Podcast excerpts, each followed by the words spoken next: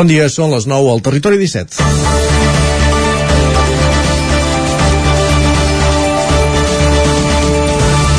Fins a 7 persones han mort aquest cap de setmana a les carreteres catalanes i eleven fins a 55 el nombre de víctimes del mes d'abril. Entre aquests accidents dissabte n'hi va haver una a Cardedeu amb el tràgic balanç de dues persones mortes i una de ferida crítica. Dos cotxes van topar frontalment a la carretera C35. Ha estat un cap de setmana amb pluja i això ha provocat moltes incidències a la carretera. Sense anar més lluny, a Osona hi ha hagut algunes sortides de via, però sense conseqüències greus. El Servei Català de Trànsit atribueix aquest repunt al retorn a la normalitat postpandèmic i a l'aixecament de les barreres dels peatges. Mai està de més fer una crida a la prudència a la carretera, sobretot en dies d'inclemències meteorològiques, perquè el repàs estadístic són xifres, però darrere cadascuna d'aquestes xifres hi ha persones i famílies que d'un dia per l'altre veuen com s'estronquen projectes vitals i les pèrdues són irreparables. És dilluns 2 de maig, comença un nou mes al Territori 17, a la sintonia de Ràdio Cardedeu, Ona Codinenca, la veu de Sant Joan, Ràdio Vic, el 9 FM i el 9 TV. Territori 17, amb Isaac Moreno i Jordi Sunyer.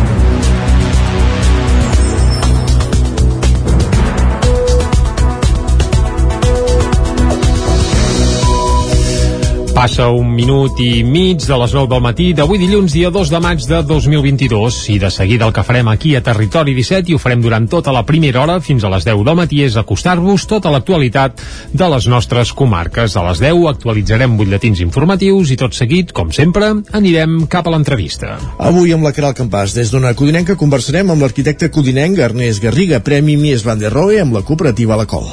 Doncs eh, tots els detalls d'aquest premi els coneixerem durant la secció de l'entrevista. A dos quarts d'onze arribarà el moment de les piulades, tot seguit passarem per la taula de redacció i després ens tocarà parlar d'esports. Repassarem com ha anat esportivament parlant el cap de setmana pels equips del territori 17, ja ho sabeu, com cada setmana en connexió amb les diferents emissores de, del territori 17 i per exemple per veure quines són les opcions encara que té el tradell de tornar a l'Hockey Lliga entre molts d'altres titulars del cap de setmana. Doncs vinga, en té, per exemple, guanyant eh, la jornada que falta per acabar l'Hockey Lliga Plata.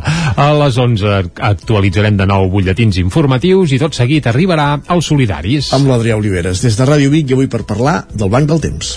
Doncs el Banc del Temps, els solidaris d'avui, després a dos quarts de dotze, cada dia el que fem és anar amb tren a la R3, a la Trenc d'Alba i el dilluns també ens toca acabar fent tertúlia esportiva. El cap de setmana que el Madrid ha guanyat la Lliga, després de golejar 4-0 l'Espanyol, el Barça va guanyar 2-1 al Mallorca.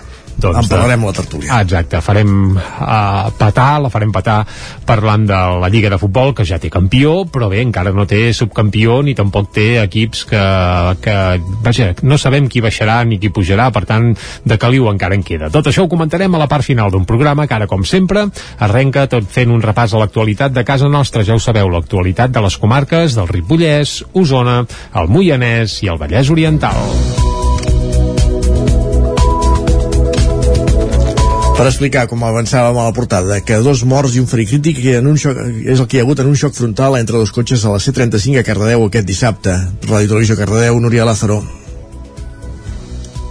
Dues persones han mort en un accident de trànsit que s'ha produït aquest dissabte a la tarda a la carretera C35 al terme municipal de Cardedeu.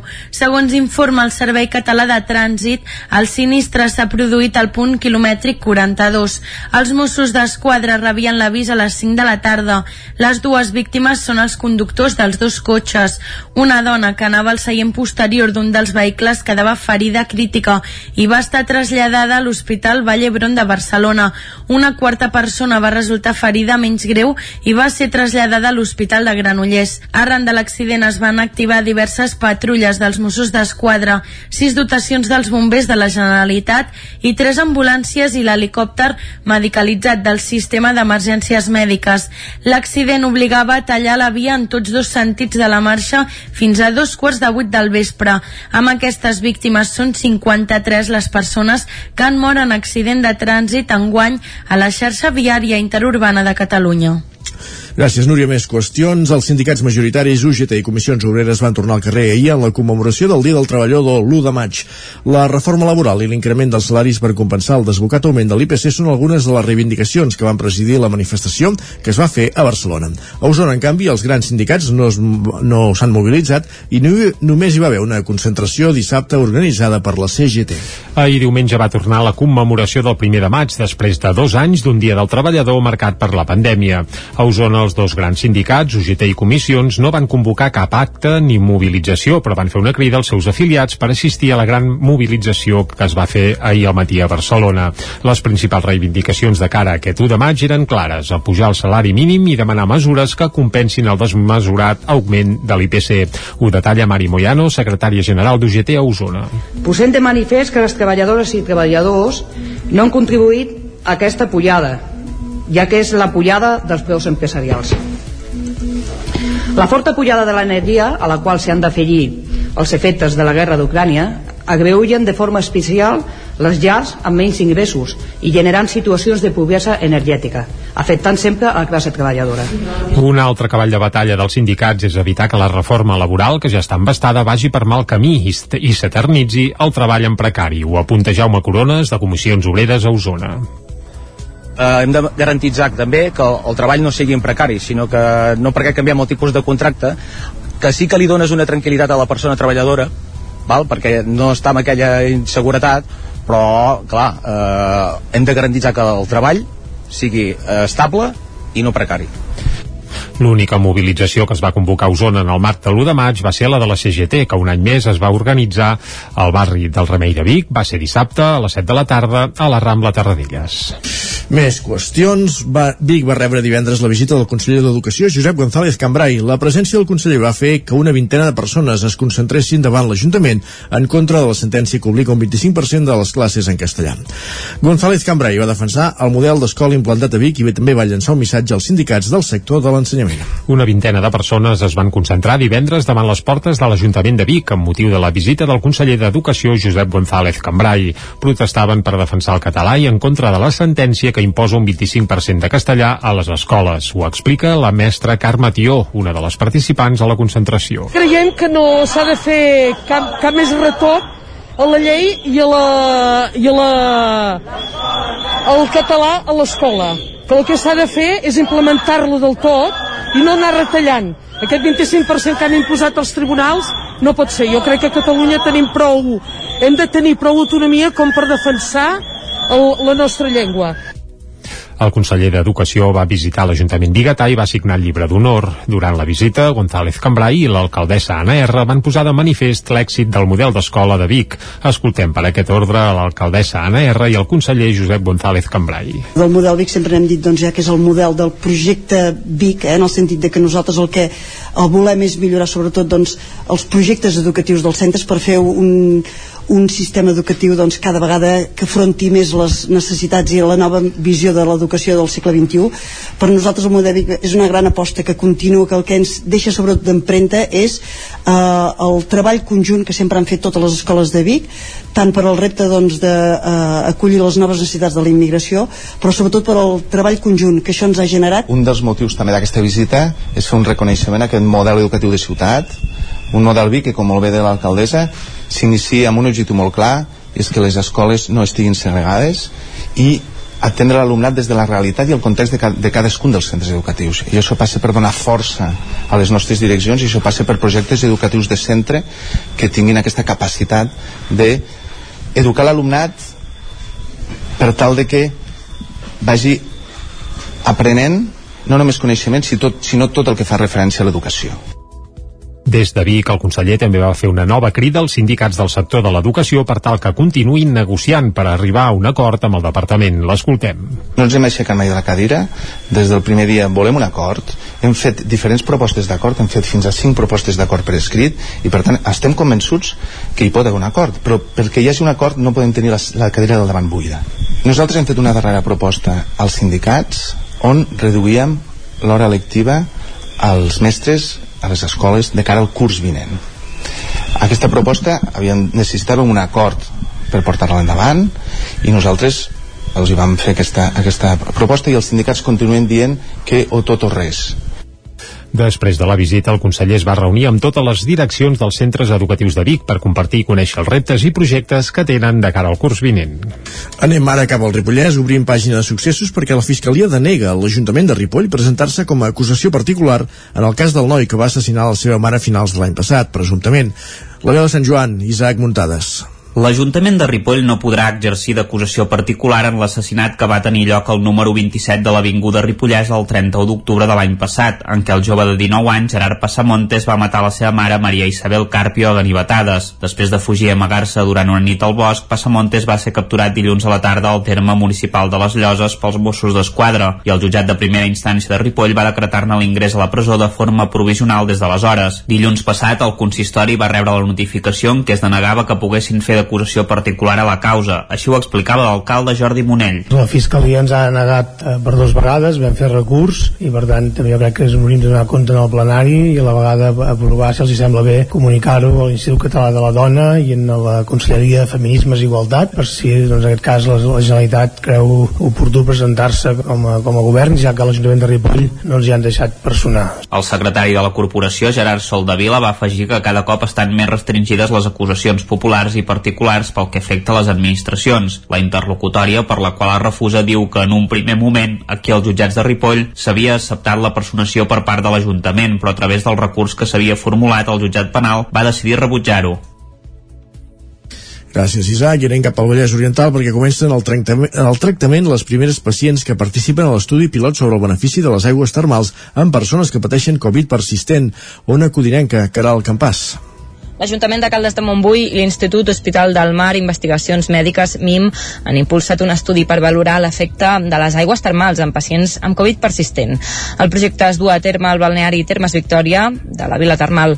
48 pacients voluntaris han començat el tractament que s'allargarà fins a finals d'any, tutelats per la doctora Natàlia Garcia. Sentim-la. Llavors, fem dos grups, un de 48 pacients que rebrà balneoteràpia i un de 48 pacients amb la mateixa sintomatologia però sense balneoteràpia i en aquests els hi farem una sèrie de qüestionaris de qualitat de vida que són qüestionaris estandarditzats en el món científic que tenen, es poden fer una valoració i et donen un número.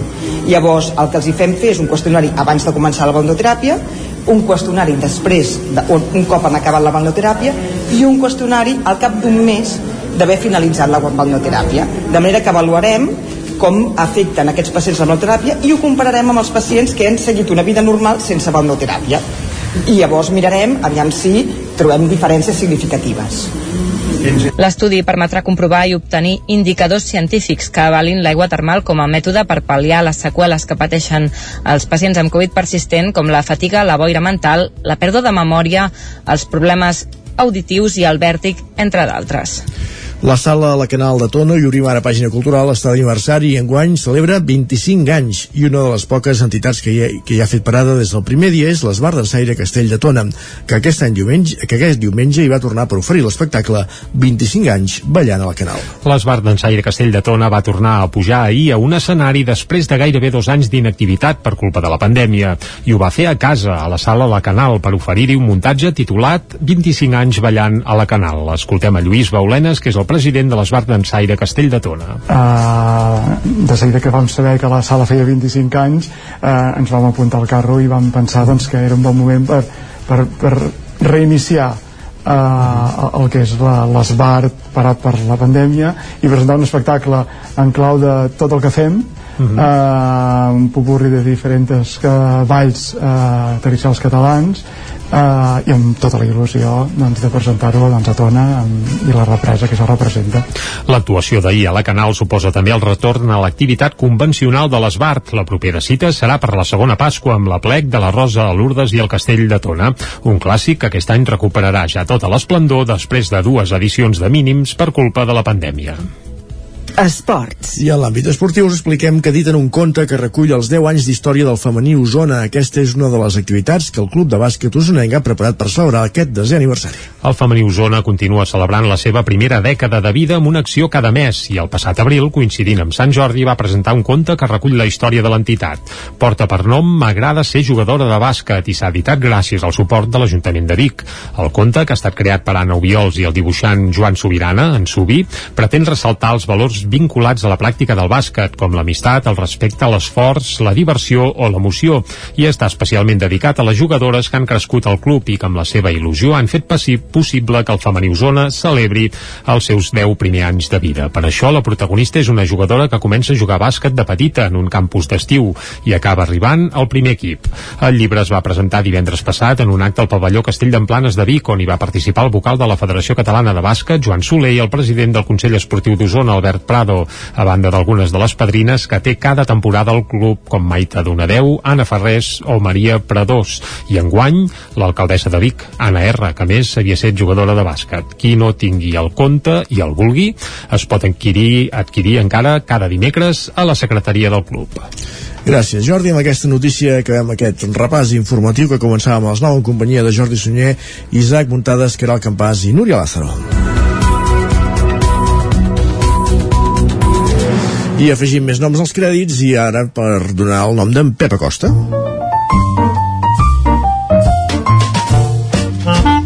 Casa Terradellos us ofereix el temps. Un Pep Acosta que cada dia ens acosta la previsió meteorològica, farà una mica de balanç del cap de setmana i ens apuntarà si avui tornarà a ser un dia passat per aigua. Va, bon dia, Pep. Hola, molt bon dia a tothom. I molt bona hora. Què tal? Bé, bé. Com esteu? Bé, Bé, bé. oients, amics, col·laboradors que fa possible Mm-hmm. aquest programa. Espero que hagi anat bé el cap de setmana. I tant. Per fi ja som dilluns. Mm-hmm. Per fi comença ja una nova setmana laboral. Espero que sigui molt interessant eh, per tothom. I ha estat interessant el temps al cap de setmana. Hem tingut uns matins força assolellats, la temperatura es disparava i a les tardes creixien les tempestes, eh, creixien com bolets i han estat especialment fortes cap a la comarca d'Osona.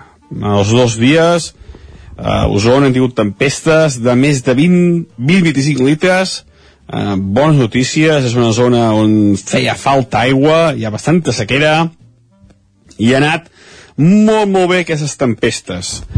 A la resta de les comarques, eh, tempestes més discretes, eh, cap al Ripollès, cap al Vallès, cap al Moianès, eh, han estat tempestes més discretes, les tardes, sobretot, de dissabte i de diumenge. Eh, llàstima que no ha pogut aquests més de 25 litres a totes les poblacions, però bueno, és que eh, les tempestes així de, eh, de primavera eh, són així, eh, són una mica localitzades, no són molt extenses, i fa que pogui més en unes determinades zones, determinades zones, i a prop la pluja sigui més aviat escassa. Però bueno, mm, almenys en algunes poblacions ha pogut força, que és molt interessant. Eh, les temperatures, eh, contrast tèrmic important entre dia i la nit, eh, mínimes d'uns 10 graus, una mica inferiors a moltes zones, i les màximes àmpliament superiors als 20. Eh, del migdia sí estava bé, feia un ambient eh, bastant càlid fins i tot. I avui eh, deixem ja el temps de cada setmana enrere, que és història, per tant ja ha passat, i ens centrem amb el temps d'avui, dilluns 2 de maig, el, la primera setmana sencera del mes de maig de, de 2022. Començarem, eh, hem començat ja el dia amb unes temperatures eh, una mica més altes i és que hi ha molta nuvolositat. Avui serà el dia segurament més inestable de tota la setmana. No plourà tot el dia, ni molt menys, però sí que tenim un dia molt més ennuvolat que no pas els del cap de setmana. Fins i tot els matins. Els matins ja estarà, el matí, perdó, el matí d'avui estarà ja força ennuvolat. Fins i tot poden cabre quatre gotes. Molt poca cosa. Eh, de cara a la tarda, tornaran a créixer nuvolades i tornaran a haver-hi precipitacions. No seran tan importants com el cap de setmana, però sí que poden ser més extenses. És a dir, afectaran a més poblacions, a més comarques, però eh, seran quantitats més, més modestes, eh? no prou tant com el cap de setmana. I les temperatures màximes a destacar baixaran de forma important.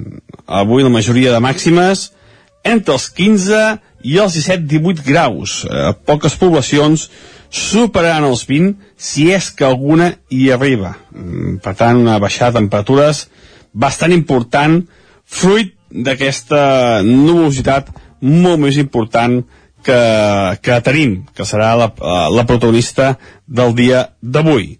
Vents variables, en el moment de tempesta, en el moment de precipitació, poden ser bastant importants, eh, per tant una mica de precaució quan hi hagi de precipitació més important aquesta tarda.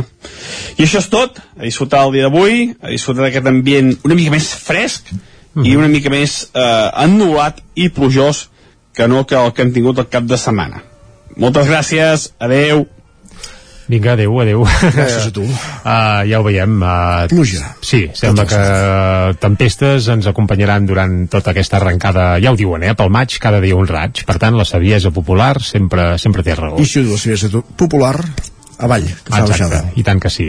Per aigua i passar el mes. Va, anem cap al quiosc. Som-hi. Vinga. Casa Tarradellas us ha ofert aquest espai. I què hi fem al quiosc? Doncs repassant les portades dels diaris. Com cada dilluns i com cada divendres, comencem per les del 9-9. Correcte, i ho farem arrencant pel 9-9 de color vermell d'Osona i el Ripollès. Titular principal, Aigua Freda, demanarà als veïns que votin si volen passar a ser d'Osona o mantenir-se al Vallès. Fa molt de temps que se'n parla d'aquesta convocatòria, però ara ja hi ha data. La convocatòria serà el diumenge 29 de maig i hi podran participar tots els veïns d'Aigua Freda majors de 16 anys.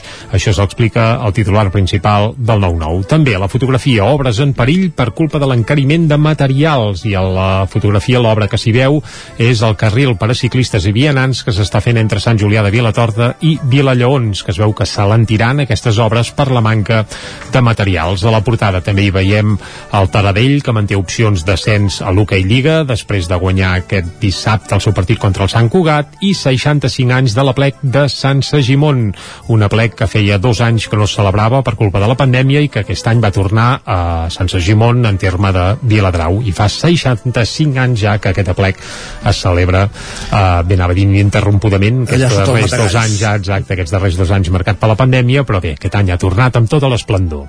Anem cap al 9-9 del Vallès Oriental. Titular principal, dos homes de Palau Tordera i de la Llagosta moren en un xoc frontal a la C35 a Cardedeu. Hem obert l'informatiu precisament parlant d'aquest tràgic accident. Una passatgera va ser traslladada en estat crític a la Vall d'Hebron de Barcelona i una altra a l'Hospital de Granollers.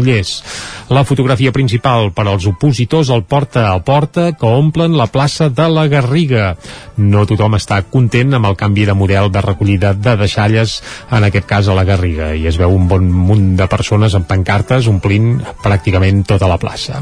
Més coses, termalisme contra la Covid. Els primers pacients amb Covid persistent comencen un tractament pilot de balneoteràpia a Caldes de Montbui i bé, caldrà veure com evoluciona i si va bé o no. I també un apunt esportiu, el pilot Aleix Espargaró fa podi al Premi de MotoGP a Jerez, un gran premi que es va disputar ahir i el germà Espargaró, l'Aleix amb l'Aprilia, el gran va fer tercer, per tant, per molts anys des d'aquí. Molt bé. Anem cap a les portades d'àmbit nacional. Uh, comencem, com sempre, pel punt avui. Titular principal, Catalan Gate en bucle. I venen a dir que això de ser espiats no ve pas d'ara, sinó que ja fa molt de temps que els líders del procés doncs estan, eh, això, són espiats pels serveis secrets, ja sigui espanyols o d'altres, o el que sigui. Fan una mica de recull de tot plegat. Eh? La fotografia, però, és per l'1 de maig i diuen l'1 de maig torna al carrer. I també en un raconet el Barça guanya la quarta Champions de futbol sala que ningú s'espanti. Estem parlant de futbol sala. Anem a l'ara, que obren amb una notícia que bé, ho han destapat ells, és una exclusiva que s'ha eh, conegut avui i diuen la sindicatura de comptes paga trienis a síndics que ja no hi treballen. Des del 2004 l'òrgan estatutari ha abonat un total de 338.822 euros a quatre dels seus exmembres. Part dels integrants de la mesa del Parlament que utilitzen cotxe oficial cobren dietes de desplaçament continua bé la mal- malversació de fons públics tot i que en teoria sota una pàtina de legalitat que caldria posar-hi la lupa i és el que han fet des del diari Ara amb aquesta investigació. La fotografia és per la crisi a Ucraïna comença l'evacuació de civils de la fàbrica de Mariúpol. Recordem, Mariupol està una ciutat devastada del tot, però hi ha un grup d'ucraïnesos que resistien en una antiga fàbrica i sembla que ahir sí que finalment va començar l'evacuació dels primers civils que estaven, eh, bé, com aquell que diu, confinats en aquesta, en aquesta fàbrica. El primer de maig reclama al carrer la pujada de sous. Això també apareix a la portada de l'ara d'avui. A l'avantguàrdia, primera evacuació de civils de l'assetjada acereria de Mariúpol, acereria perquè és una fàbrica d'acer. La fotografia per això és per la reivindicació salarial centre el primer de maig i la fotografia això, Mani, és eh, una part de la gent que es va mobilitzar ahir pels carrers de Barcelona. Uh, deixem l'avantguàrdia, anem cap al periòdico. La guerra d'Ucraïna replanteja la transició verda a Espanya. Dilema entre suavitzar o accelerar el final dels combustibles fòssils. Això a la, a la portada del periòdico i la fotografia millora a la cereria de Mariúpol. La cereria és estranya, eh, veure aquest mot aquí, però clar, és la fàbrica de ser de Mariúpol sí, sí. i a la fotografia sí que es veuen bé infants i gent gran que surten d'aquesta cereria on portaven setmanes com que diu, amagats i, i tancats. Sí, sí. També el Barça recobra el pols davant el Mallorca en la tornada d'Ansu Fati. Va guanyar 2 a 1 al Barça ahir eh, en el retorn precisament d'Ansu Fati al camp. I també UGT i Comissions Obreres exigeixen adequar els sous a la inflació. Això també a la portada del periòdico. I anem per anar acabant, exacte, anem cap a Madrid i comencem per al país. Titular principal, els sindicats reclamen que els sous pugin segons l'IPC aquest és el titular principal que apareix al país. També Alemanya dona suport a l'embargament de la Unió Europea al petroli rus i la despesa en càncer es duplica en 5 anys. Això a la portada del país. Anem a l'ABC, va. El govern espanyol, evidentment, xoca de nou amb els seus socis, aquest cop per la llei de seguretat aquest és el titular principal, tot i que la fotografia és per la... bé, anava a dir per la mobilització d'ahir a Madrid i segons l'ABC els sindicats perden el pols del carrer i a la fotografia és curiós perquè es veu Josep Maria Álvarez allà amb una cara de... Bé, Com agres. Sí, i el seu company de comissions, Eloi Sordo, amb Unai, les mans Unai. al cap, Unai, perdó, amb les mans al cap. I diu, una quarta part dels afiliats d'UGT i comissions es van donar de baixa durant l'última dècada. Carai. Aquest és el subtítol de, que apareix a l'ABC on ja es veu que no són del gremi sindicalista. Hi havia la ministra de Treball, per cert, també. També, també, també. Ai, el Mundo va ràpidament. Ayuso blinda el seu electorat i reafirma el seu perfil nacional i acabem fent un cop d'ull a la Razón, alarma a l'OTAN pel secret de la cimera que se celebrarà a Madrid. Aquest és el titular principal de la Razón. doncs va, eh, dit això, fem una pausa i tornem. El nou FM, la ràdio de casa, al 92.8. Cobertes serveis funeraris. Els nostres tanatoris estan ubicats en els nuclis urbans més poblats de la comarca d'Osona per oferir un millor servei. Tanatori de Vic, Tanatori de Manlleu, Tanatori de Centelles i Tanatori de Roda de Ter. Sabem que són moments difícils i per això el nostre compromís és atendre-us en tot moment amb un tracte humà, sensible i respectuós. Cobertes serveis funeraris. Telèfon 24 hores 93 883 23 46. A El racó de León ja és primavera. Gaudeix de la nostra terrassa. Vine a tastar les xuletilles de l'Echal a la brasa amb una bona amanida o el xuletón de vedella gallega. No et pots perdre el nostre lechado de Castilla al forn o el cochinillo a l'estil de Segovia. Tot acompanyat del millor celler, al menjador o fora la terrassa. Descobreix la millor cuina de lleó sense moure't de casa. Vine amb la família, els amics, la parella o sol. T'encantarà. El racó de León, cuina tradicional lleonesa i de mercat. Som al carrer Torelló número 35 de Vic. Per reserves, telèfon 93 889 1950. El racó de León, una cuina diferent. Si tens pensat canviar la caldera o posar aire condicionat, posa't en mans a Pradell. Tenen les millors ofertes. Pradell instal·la calderes de biomassa, calderes de condensació, aire condicionat tant per a particulars com per a empreses.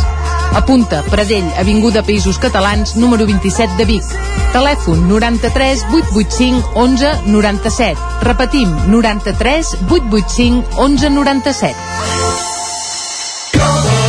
A la Clínica Dental Sant Fortià hi trobareu un equip professional que treballa de manera coordinada per oferir un tracte sensible i humà. Estem preparats per qualsevol urgència dental i oferim accions preventives per la tercera edat i els infants. El doctor Ramon Garcia, implantòleg de Barcelona, fa 10 anys que visita Torelló. Clínica Dental Sant Fortià. Ens trobareu a la plaça Sant Fortià número 9 de Torelló al 93 859 6408 i al 690 92 51 99. Cocodril Club. Si t'agrada la bona música dels anys 60, 70 i 80, escolta el 9 FM els matins de dissabtes i diumenges d'11 a 1.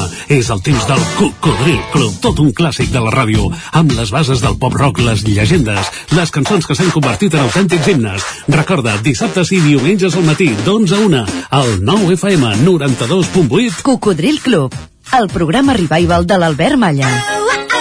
Hasta luego, cocodrilo. El nou FM, el nou FM, el nou FM, el nou FM, el nou FM.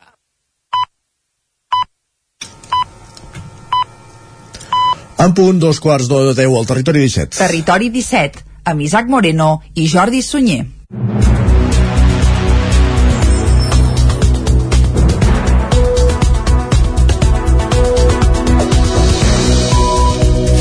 I a dos quarts de deu d'avui dilluns, dia 2 de maig de 2022, de seguida arribarà el moment d'acostar-vos de nou tota l'actualitat de les nostres comarques, però abans ja us avancem tot el que tindrem des d'ara mateix i fins al punt de les 12 del migdia. Una mica abans de les 10 hi posarem música. Avui, Isaac, per parlar d'un disc, uh, d'uns punkies, eh? Ah. És molt esparracat i molt esmolat tot plegat, es diuen Rat Penat, i han fet un disc on la meitat són temes propis i la meitat són versions de patums de, de l'escena catalana. I aquesta gent versionen des de l'Albert Pla, el Lluís Llach, i avui escoltarem el que han fet amb una peça de Quimi Portet. Jo és que havia vist el títol, dic, punky, bueno, sí, sí, sí. una mica, però... no, no, bé, ja, sí, passat pel sedàs del rat penat, ja et puc assegurar que és punky, però va, no Molt bé. diem res més, ho escoltarem una mica abans de les 10 i alerta a les orelles, va, a les 10, més informació, actualitzarem butlletí informatiu i tot seguit a l'entrevista, Isaac, anirem cap a una codinenca, oi? Correcte, de fet cap a Sant Feliu de Codines, perquè amb la Caral Campàs conversarem amb l'arquitecte codinenc Ernest Garriga, un dels guanyadors del Premi Mies van der Rohe d'Arquitectura amb la cooperativa La Col. Doncs després de l'entrevista, cap a dos quarts d'onze serà el moment de les piulades, després passarem per la taula de redacció i tot seguit serà moment de parlar d'esports. De fer un repàs a com ha estat el cap de setmana esportivament parlant, com han anat aquests compromisos que tenien els equips del territori 17 aquest cap de setmana, doncs fer, farem un repàs a tots aquests partits en companyia de la resta de companys, valgui la redundància, les, de les diferents emissores del territori 17. A les 11 actualitzarem de nou el butlletí informatiu i tot seguit serà el torn dels solidaris. Amb l'Adrià Oliveres, des de Ràdio Vic i avui per parlar del Banc del Temps. Després, dos quarts de dotze, com cada dia, pugem a la R3, a la Trenc d'Alba, i tot seguit, com que és dilluns, el que arribarà és el moment de la tertúlia esportiva. Com cada dilluns, repassant la jornada futbolística del cap de setmana, amb un titular principal, el Madrid ara ja sí, ja és campió de Lliga, després de guanyar 4-0 l'Espanyol, per tant l'Espanyol va perdre al camp del Madrid, i el Barça que ahir guanyava 2-1 en el partit que pràcticament tanca- tancava la jornada a casa, al Camp Nou contra el Mallorca. Doncs de tot això en parlarem a la part final d'un programa que ara segueix i ho fa com sempre acostant-vos l'actualitat de les nostres comarques. Ja ho sabeu, les comarques del Vallès Oriental, el Moianès, Osona i el Ripollès. Per explicar, com avançàvem a la portada, que dos morts i un ferit crític en un xoc, és el que hi ha hagut en un xoc frontal entre dos cotxes de la C35 a Cardedeu aquest dissabte. Ràdio Televisió Cardedeu, Núria Lázaro. Dues persones han mort en un accident de trànsit que s'ha produït aquest dissabte a la tarda a la carretera C35 al terme municipal de Cardedeu. Segons informa el Servei Català de Trànsit, el sinistre s'ha produït al punt quilomètric 42. Els Mossos d'Esquadra rebien l'avís a les 5 de la tarda. Les dues víctimes són els conductors dels dos cotxes. Una dona que anava al seient posterior d'un dels vehicles quedava ferida crítica i va estar traslladada a l'Hospital Vall d'Hebron de Barcelona. Una quarta persona va resultar ferida menys greu i va ser traslladada a l'Hospital de Granollers. Arran de l'accident es van activar diverses patrulles dels Mossos d'Esquadra, sis dotacions dels bombers de la Generalitat i tres ambulàncies i l'helicòpter medicalitzat del sistema d'emergències mèdiques. L'accident obligava a tallar la via en tots dos sentits de la marxa fins a dos quarts de vuit del vespre. Amb aquestes víctimes són 53 les persones que han mort en accident de trànsit en d'enguany a la xarxa viària interurbana de Catalunya. Gràcies, Núria. Més qüestions. Els sindicats majoritaris UGT i Comissions Obreres van tornar al carrer ahir en la commemoració del Dia del Treballador l'1 de maig. La reforma laboral i l'increment dels salaris per compensar el desbocat augment de l'IPC són algunes de les reivindicacions que van presidir la manifestació que es va fer a Barcelona. A Osona, en canvi, els grans sindicats no, no s'han mobilitzat i no, només hi va haver una concentració dissabte organitzada per la CGT. Ahir diumenge va tornar la commemoració del primer de maig després de dos anys d'un Dia del Treballador marcat per la pandèmia. A Osona, els dos grans sindicats, UGT i Comissions, no van convocar cap acte ni mobilització, però van fer una crida als seus afiliats per assistir a la gran mobilització que es va fer ahir al matí a Barcelona. Les principals reivindicacions de cara a aquest 1 de maig eren clares, el pujar el salari mínim i demanar mesures que compensin el desmesurat augment de l'IPC. Ho detalla Mari Moyano, secretària general d'UGT a Osona.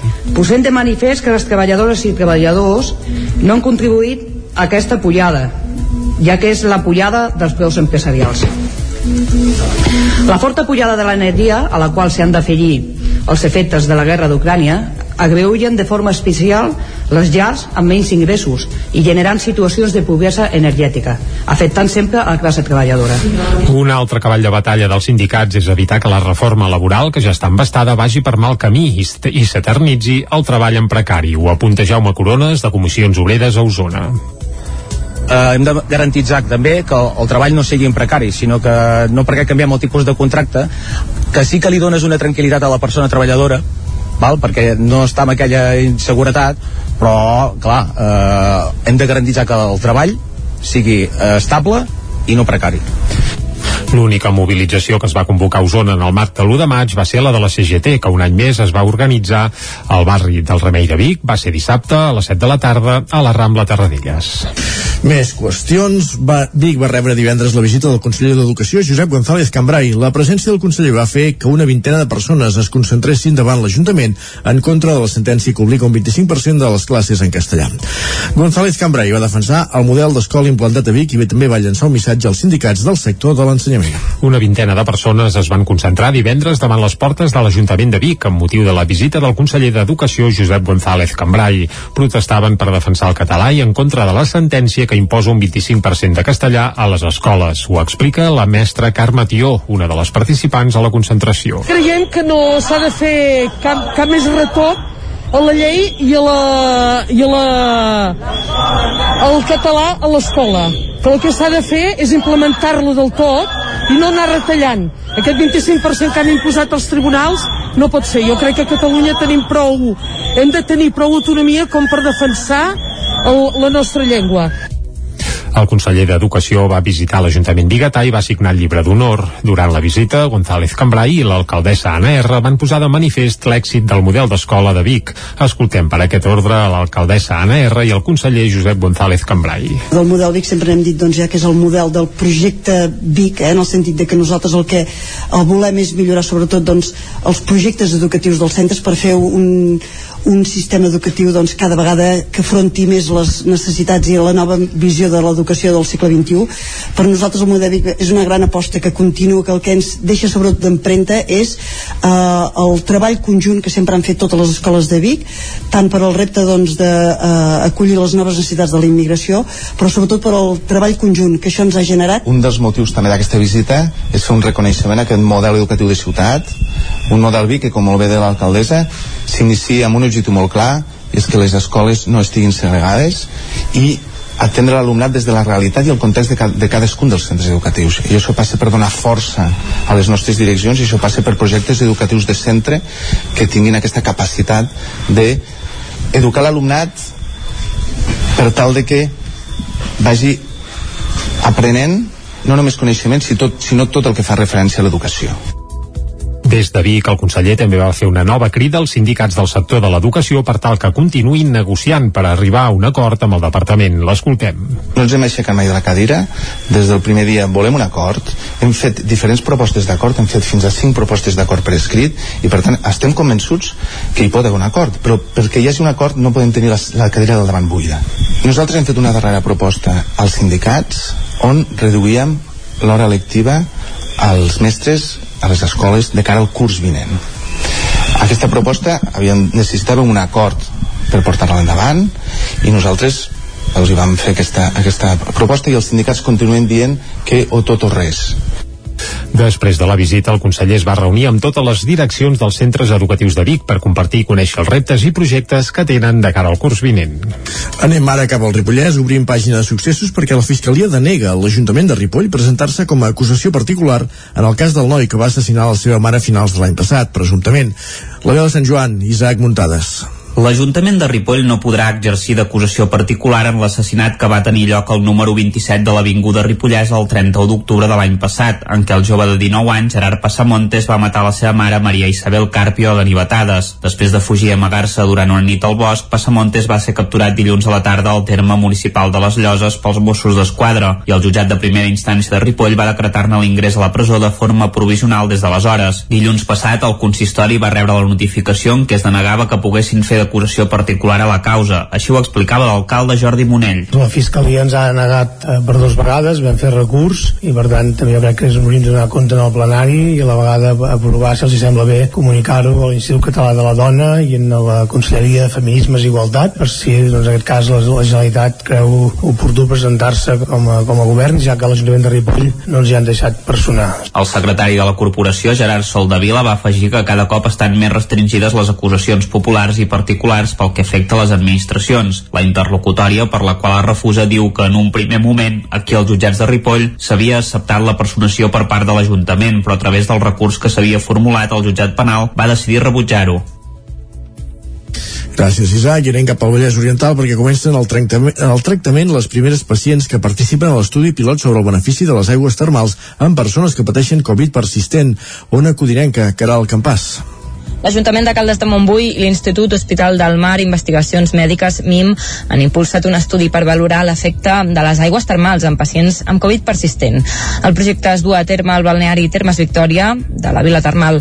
48 pacients voluntaris han començat el tractament que s'allargarà fins a finals d'any, tutelats per la doctora Natàlia Garcia. Sentim-la. Llavors, fem dos grups, un de 48 pacients que rebrà balneoteràpia i un de 48 pacients amb la mateixa sintomatologia però sense balneoteràpia i en aquests els hi farem una sèrie de qüestionaris de qualitat de vida que són qüestionaris estandarditzats en el món científic que tenen, es poden fer una valoració i et donen un número.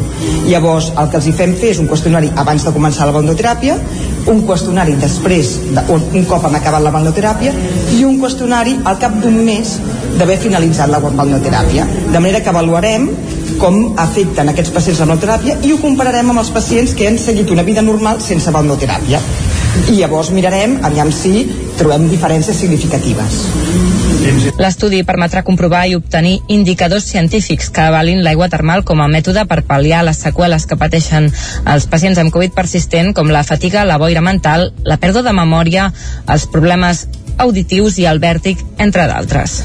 La sala a la Canal de Tona i obrim ara pàgina cultural està d'aniversari i enguany celebra 25 anys i una de les poques entitats que hi, ha, que hi ha fet parada des del primer dia és l'Esbar de Saire Castell de Tona que aquest any diumenge, que aquest diumenge hi va tornar per oferir l'espectacle 25 anys ballant a la Canal. L'Esbar d'Ensaire Castell de Tona va tornar a pujar ahir a un escenari després de gairebé dos anys d'inactivitat per culpa de la pandèmia i ho va fer a casa, a la sala La Canal, per oferir-hi un muntatge titulat 25 anys ballant a la Canal. Escoltem a Lluís Baulenes, que és el president de l'Esbar d'Ensaire Castell de Tona. Uh, de seguida que vam saber que la sala feia 25 anys uh, ens vam apuntar al carro i vam pensar doncs, que era un bon moment per, per, per reiniciar uh, el que és l'esbar parat per la pandèmia i presentar un espectacle en clau de tot el que fem uh -huh. uh, un popurri de diferents uh, balls uh, tradicionals catalans uh, i amb tota la il·lusió doncs, de presentar-ho doncs, a Tona amb, i la represa que això representa L'actuació d'ahir a la Canal suposa també el retorn a l'activitat convencional de l'Esbart. La propera cita serà per la segona Pasqua amb la plec de la Rosa a Lourdes i el Castell de Tona. Un clàssic que aquest any recuperarà ja tota l'esplendor després de dues edicions de mínims per culpa de la pandèmia. Esports. I en l'àmbit esportiu us expliquem que editen un conte que recull els 10 anys d'història del femení Osona. Aquesta és una de les activitats que el Club de Bàsquet Osonenc ha preparat per celebrar aquest desè aniversari. El femení Osona continua celebrant la seva primera dècada de vida amb una acció cada mes i el passat abril, coincidint amb Sant Jordi, va presentar un conte que recull la història de l'entitat. Porta per nom M'agrada ser jugadora de bàsquet i s'ha editat gràcies al suport de l'Ajuntament de Vic. El conte, que ha estat creat per Anna Obiols i el dibuixant Joan Sobirana, en Subi, pretén ressaltar els valors vinculats a la pràctica del bàsquet, com l'amistat, el respecte, l'esforç, la diversió o l'emoció, i està especialment dedicat a les jugadores que han crescut al club i que amb la seva il·lusió han fet possible que el femení Osona celebri els seus 10 primers anys de vida. Per això la protagonista és una jugadora que comença a jugar bàsquet de petita en un campus d'estiu i acaba arribant al primer equip. El llibre es va presentar divendres passat en un acte al pavelló Castell d'Emplanes de Vic, on hi va participar el vocal de la Federació Catalana de Bàsquet, Joan Soler, i el president del Consell Esportiu d'Osona, Albert Prado, a banda d'algunes de les padrines que té cada temporada el club, com Maita Donadeu, Anna Ferrés o Maria Pradós. I enguany, l'alcaldessa de Vic, Anna R, que més havia set jugadora de bàsquet. Qui no tingui el compte i el vulgui, es pot adquirir, adquirir encara cada dimecres a la secretaria del club. Gràcies, Jordi. Amb aquesta notícia acabem aquest repàs informatiu que començàvem a les 9 en companyia de Jordi Sunyer, Isaac Muntades, Caral Campàs i Núria Lázaro. I afegim més noms als crèdits i ara per donar el nom d'en Pep Acosta.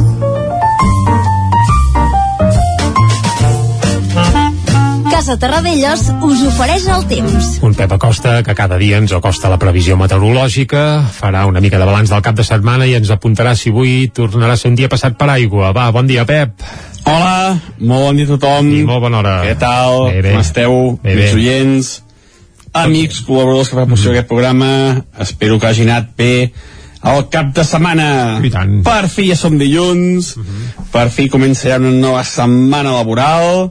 Espero que sigui molt interessant eh, per tothom. I ha estat interessant el temps del cap de setmana. Hem tingut uns matins força assolellats, la temperatura es disparava i a les tardes creixien les tempestes, eh, creixien com bolets i han estat especialment fortes cap a la comarca d'Osona. Els dos dies a Osona hem tingut tempestes de més de 20-25 litres eh, bones notícies és una zona on feia falta aigua hi ha bastanta sequera i ha anat molt molt bé aquestes tempestes a la resta de les comarques eh, tempestes més discretes eh, cap al Ripollès cap al Vallès cap al Moianès. Eh, han estat tempestes més discretes les tardes sobretot de dissabte i de diumenge. Eh, llàstima que no ha pogut aquests més de 25 litres a totes les poblacions però bueno és que eh, les tempestes així de, eh, de primavera eh, són així, eh, són una mica localitzades no són molt extenses i fa que pogui més en unes determinades zones, determinades zones i a prop la pluja sigui més aviat escassa. Però bueno, mm, almenys en algunes poblacions ha pogut força, que és molt interessant. Eh, les temperatures, eh, contrast tèrmic important entre dia i la nit, eh, mínimes d'uns 10 graus, una mica inferiors a moltes zones, i les màximes àmpliament superiors als 20. Eh, del migdia si estava bé, feia un ambient eh, bastant càlid fins i tot. I avui eh, deixem ja el temps de cada setmana enrere, que és història, per tant ja ha passat, i ens sentem amb el temps d'avui, dilluns 2 de maig, el, la primera setmana sencera del mes de maig de, de 2022. Començarem, hem començat ja el dia amb unes temperatures eh, una mica més altes i és que hi ha molta nuvolositat. Avui serà el dia segurament més inestable de tota la setmana no plourà tot el dia, ni molt menys, però sí que tenim un dia molt més ennuvolat que no pas els del cap de setmana. Fins i tot els matins. Els matins ja estarà, el matí, perdó, el matí d'avui estarà ja força ennuvolat. Fins i tot poden cabre quatre gotes. Molt poca cosa. Eh, de cara a la tarda, tornaran a queixar nuvolades i tornar a haver-hi precipitacions. No seran tan importants com el cap de setmana, però sí que poden ser més extenses, és a dir, afectaran a més poblacions, a més comarques, però eh, seran quantitats més, més modestes, eh? no prou tant com el cap de setmana. I les temperatures màximes a destacar baixaran de forma important. Avui la majoria de màximes entre els 15 i els 17-18 graus. Eh, poques poblacions superaran els 20 si és que alguna hi arriba. Mm, Per tant, una baixada de temperatures bastant important, fruit d'aquesta nubositat molt més important que, que tenim, que serà la, la protagonista del dia d'avui. Vents variables, en el moment de tempesta, en el moment de precipitació, poden ser bastant importants, eh, per tant una mica de precaució quan hi hagi la precipitació més important aquesta tarda. I això és tot, a disfrutar el dia d'avui, a disfrutar d'aquest ambient una mica més fresc i una mica més eh, ennulat i plujós que no que el que hem tingut el cap de setmana. Moltes gràcies, adeu. Vinga, adeu, adeu. Gràcies a tu. Uh, ja ho veiem. Uh, Pluja. Sí, sembla que tempestes ens acompanyaran durant tota aquesta arrencada, ja ho diuen, eh, pel maig, cada dia un raig. Per tant, la saviesa popular sempre, sempre té raó. I si ho diu la saviesa popular, avall, que fa Exacte, baixada. i tant que sí. Per aigua i passar el mes. Va, anem cap al quiosc. Vinga. Casa Tarradellas us ha ofert aquest espai. I què hi fem al quiosc? Doncs repassar les portades dels diaris. Com cada dilluns i com cada divendres, comencem per les del 9-9. Correcte, i ho farem arrencant pel 9-9 de color vermell d'Osona i el Ripollès. Titular principal, Aigua Freda, demanarà als veïns que votin si volen passar a ser d'Osona o mantenir-se al Vallès. Fa molt de temps que se'n parla d'aquesta convocatòria, però ara ja hi ha data. La convocatòria serà el diumenge 29 de maig i hi podran participar tots els veïns d'Aigua Freda majors de 16 anys. Això s'explica el titular principal del 9-9. També la fotografia, obres en perill per culpa de l'encariment de materials i a la fotografia l'obra que s'hi veu és el carril per a ciclistes i vianants que s'està fent entre Sant Julià de Vilatorta i Vilalleons, que es veu que s'alentiran aquestes obres per la manca de materials. A la portada també hi veiem el Taradell, que manté opcions d'ascens a l'Hockey Lliga després de guanyar aquest dissabte el seu partit contra el Sant Cugat i 65 anys de la plec de Sant Segimon, una plec que feia dos anys que no es celebrava per culpa de la pandèmia i que aquest any va tornar a Sant Segimon en terme de Viladrau. I fa 65 anys ja que aquest aplec es celebra. Uh, ben anava dient interrompudament Allà aquests el darrers dos anys ja exacte, aquests darrers dos anys marcat per la pandèmia però bé, aquest any ha tornat amb tota l'esplendor. Anem cap al 9-9 del Vallès Oriental. Titular principal dos homes de Palau Tordera i de la Llagosta moren en un xoc frontal a la C35 a Cardedeu. Hem obert l'informatiu precisament parlant d'aquest tràgic accident. Una passatgera va ser traslladada en estat crític a la Vall d'Hebron de Barcelona i una altra a l'Hospital de Granollers la fotografia principal per als opositors al porta a porta que omplen la plaça de la Garriga. No tothom està content amb el canvi de model de recollida de deixalles, en aquest cas a la Garriga, i es veu un bon munt de persones amb pancartes omplint pràcticament tota la plaça. Més coses, termalisme contra la Covid. Els primers pacients amb Covid persistent comencen un tractament pilot de balnearoteràpia a Caldes de Montbui i bé, caldrà veure com evoluciona i si va bé o no. I també un apunt esportiu, el pilot Aleix Espargaró fa podi al Premi de MotoGP a Jerez, un gran premi que es va disputar ahir i el germà Espargaró, l'Aleix amb l'Aprilia, el gran, va fer tercer, per tant, per molts anys des d'aquí. Molt bé. Anem cap a les portades d'àmbit nacional. Uh, comencem, com sempre, pel punt avui. Titular principal, Catalan Gate en bucle. I venen a dir que això de ser espiats no ve pas d'ara, sinó que ja fa molt de temps que els líders del procés doncs, estan, uh, això, són espiats pels serveis secrets, ja sigui espanyols o d'altres, o el que sigui. Fan una mica de recull de tot plegat. Eh? La fotografia, però, és per l'1 de maig i diuen l'1 de maig torna al carrer. I també en un raconet, el Barça guanya la quarta Champions de futbol sala que ningú s'espanti, estem parlant de futbol sala. Anem a l'ara que obren amb una notícia que bé ho han destapat ells, és una exclusiva que s'ha eh, conegut avui i diuen la sindicatura de comptes paga trienis a síndics que ja no hi treballen. Des del 2004 l'òrgan estatutari ha abonat un total de 338.822 euros a quatre dels seus exmembres. Part dels integrants de la mesa del Parlament que utilitzen cotxe oficial cobren dietes de desplaçament. Continua continua bé la malversació de fons públics, tot i que en teoria sota una pàtina de legalitat que caldria posar-hi la lupa i és el que han fet des del diari Ara amb aquesta investigació. La fotografia és per la crisi a Ucraïna, comença l'evacuació de civils de la fàbrica de Mariúpol. Recordem, Mariúpol està una ciutat devastada del tot, però hi ha un grup d'ucraïnesos que resistien en una antiga fàbrica i sembla que ahir sí que finalment va començar l'evacuació dels primers civils que estaven, eh, bé, com aquell que diu, confinats en aquesta, en aquesta fàbrica. El primer de maig reclama al carrer la pujada de sous. Això també apareix a la portada de l'ara d'avui. A l'avantguàrdia, primera evacuació de civils de l'assetjada acereria de Mariúpol, acereria perquè és una fàbrica d'acer.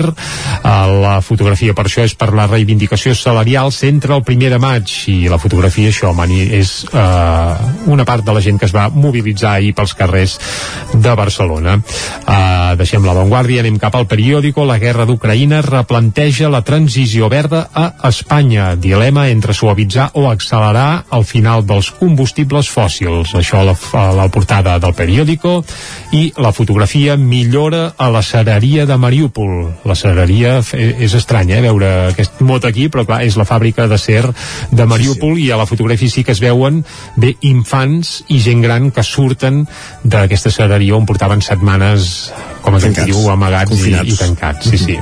També el Barça recobra el pols davant el Mallorca en la tornada d'Ansu Fati. Va guanyar 2 a 1 al Barça ahir eh, en el retorn precisament d'Ansu Fati al camp. I també UGT i Comissions Obreres exigeixen adequar els sous a la inflació. Això també a la portada del periòdico. Anem per anar acabant. Exacte, anem cap a Madrid i comencem per al país. Titular principal, els sindicats reclamen que els sous pugin segons l'IPC aquest és el titular principal que apareix al país. També Alemanya dona suport a l'embargament de la Unió Europea al petroli rus i la despesa en càncer es duplica en 5 anys. Això a la portada del país. Anem a l'ABC, va. El govern espanyol, evidentment, xoca de nou amb els seus socis, aquest cop per la llei de seguretat. Aquest és el titular principal, tot i que la fotografia és per la... Bé, anava a dir per la mobilització d'ahir a Madrid i segons l'ABC els sindicats perden el pols del carrer i a la fotografia és curiós perquè es veu Josep Maria Álvarez allà amb una cara de... Bé, Com agres. Sí, i el seu company de comissions, Eloi Sordo, amb les mans al cap, Unai, perdó, amb les mans al cap.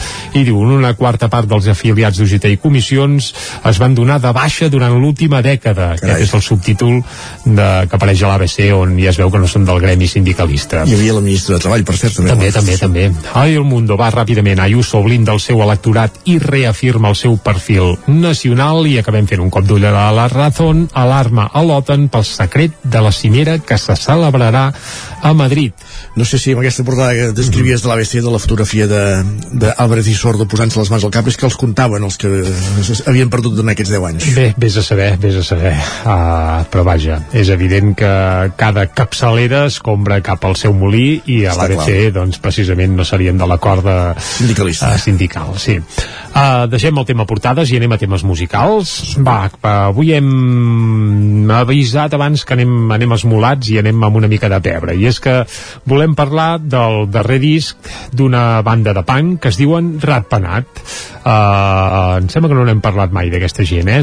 Tenen seu a Barcelona, però és que, clar, en el seu tercer disc, que es diu Tart i amb ressaca, doncs el que han fet és posar-hi sis temes propis i cinc versions de clàssics catalans. Una ja l'estem escoltant de fons i és de Quimi Portet. La cançó és Tinc una bèstia dintre meu i clar, passada que pel no sedàs. no tinc el dimoni dins jo. No, tinc una bèstia dintre meu, però clar, amb el, la versió del Quimi Portet la cosa va tranquil·leta i desenfadada sí. i amb la versió del Rat Penat la cosa va accelerada i amb força més pebre. Si us agraden aquestes versions punkis de clàssics catalans, sapigueu que pel sedàs de Rap Penat també ha passat Lluís Llach o, o l'Albert Pla, per exemple, entre d'altres. Eh? Ara per això ens quedem amb la més nostrada, aquesta del Quimi Portet, tinc una bèstia dintre meu, en versió punk, amb el Rat Penat. Vinga, amb això fins a les 10. Va! Llama de lluita per sortir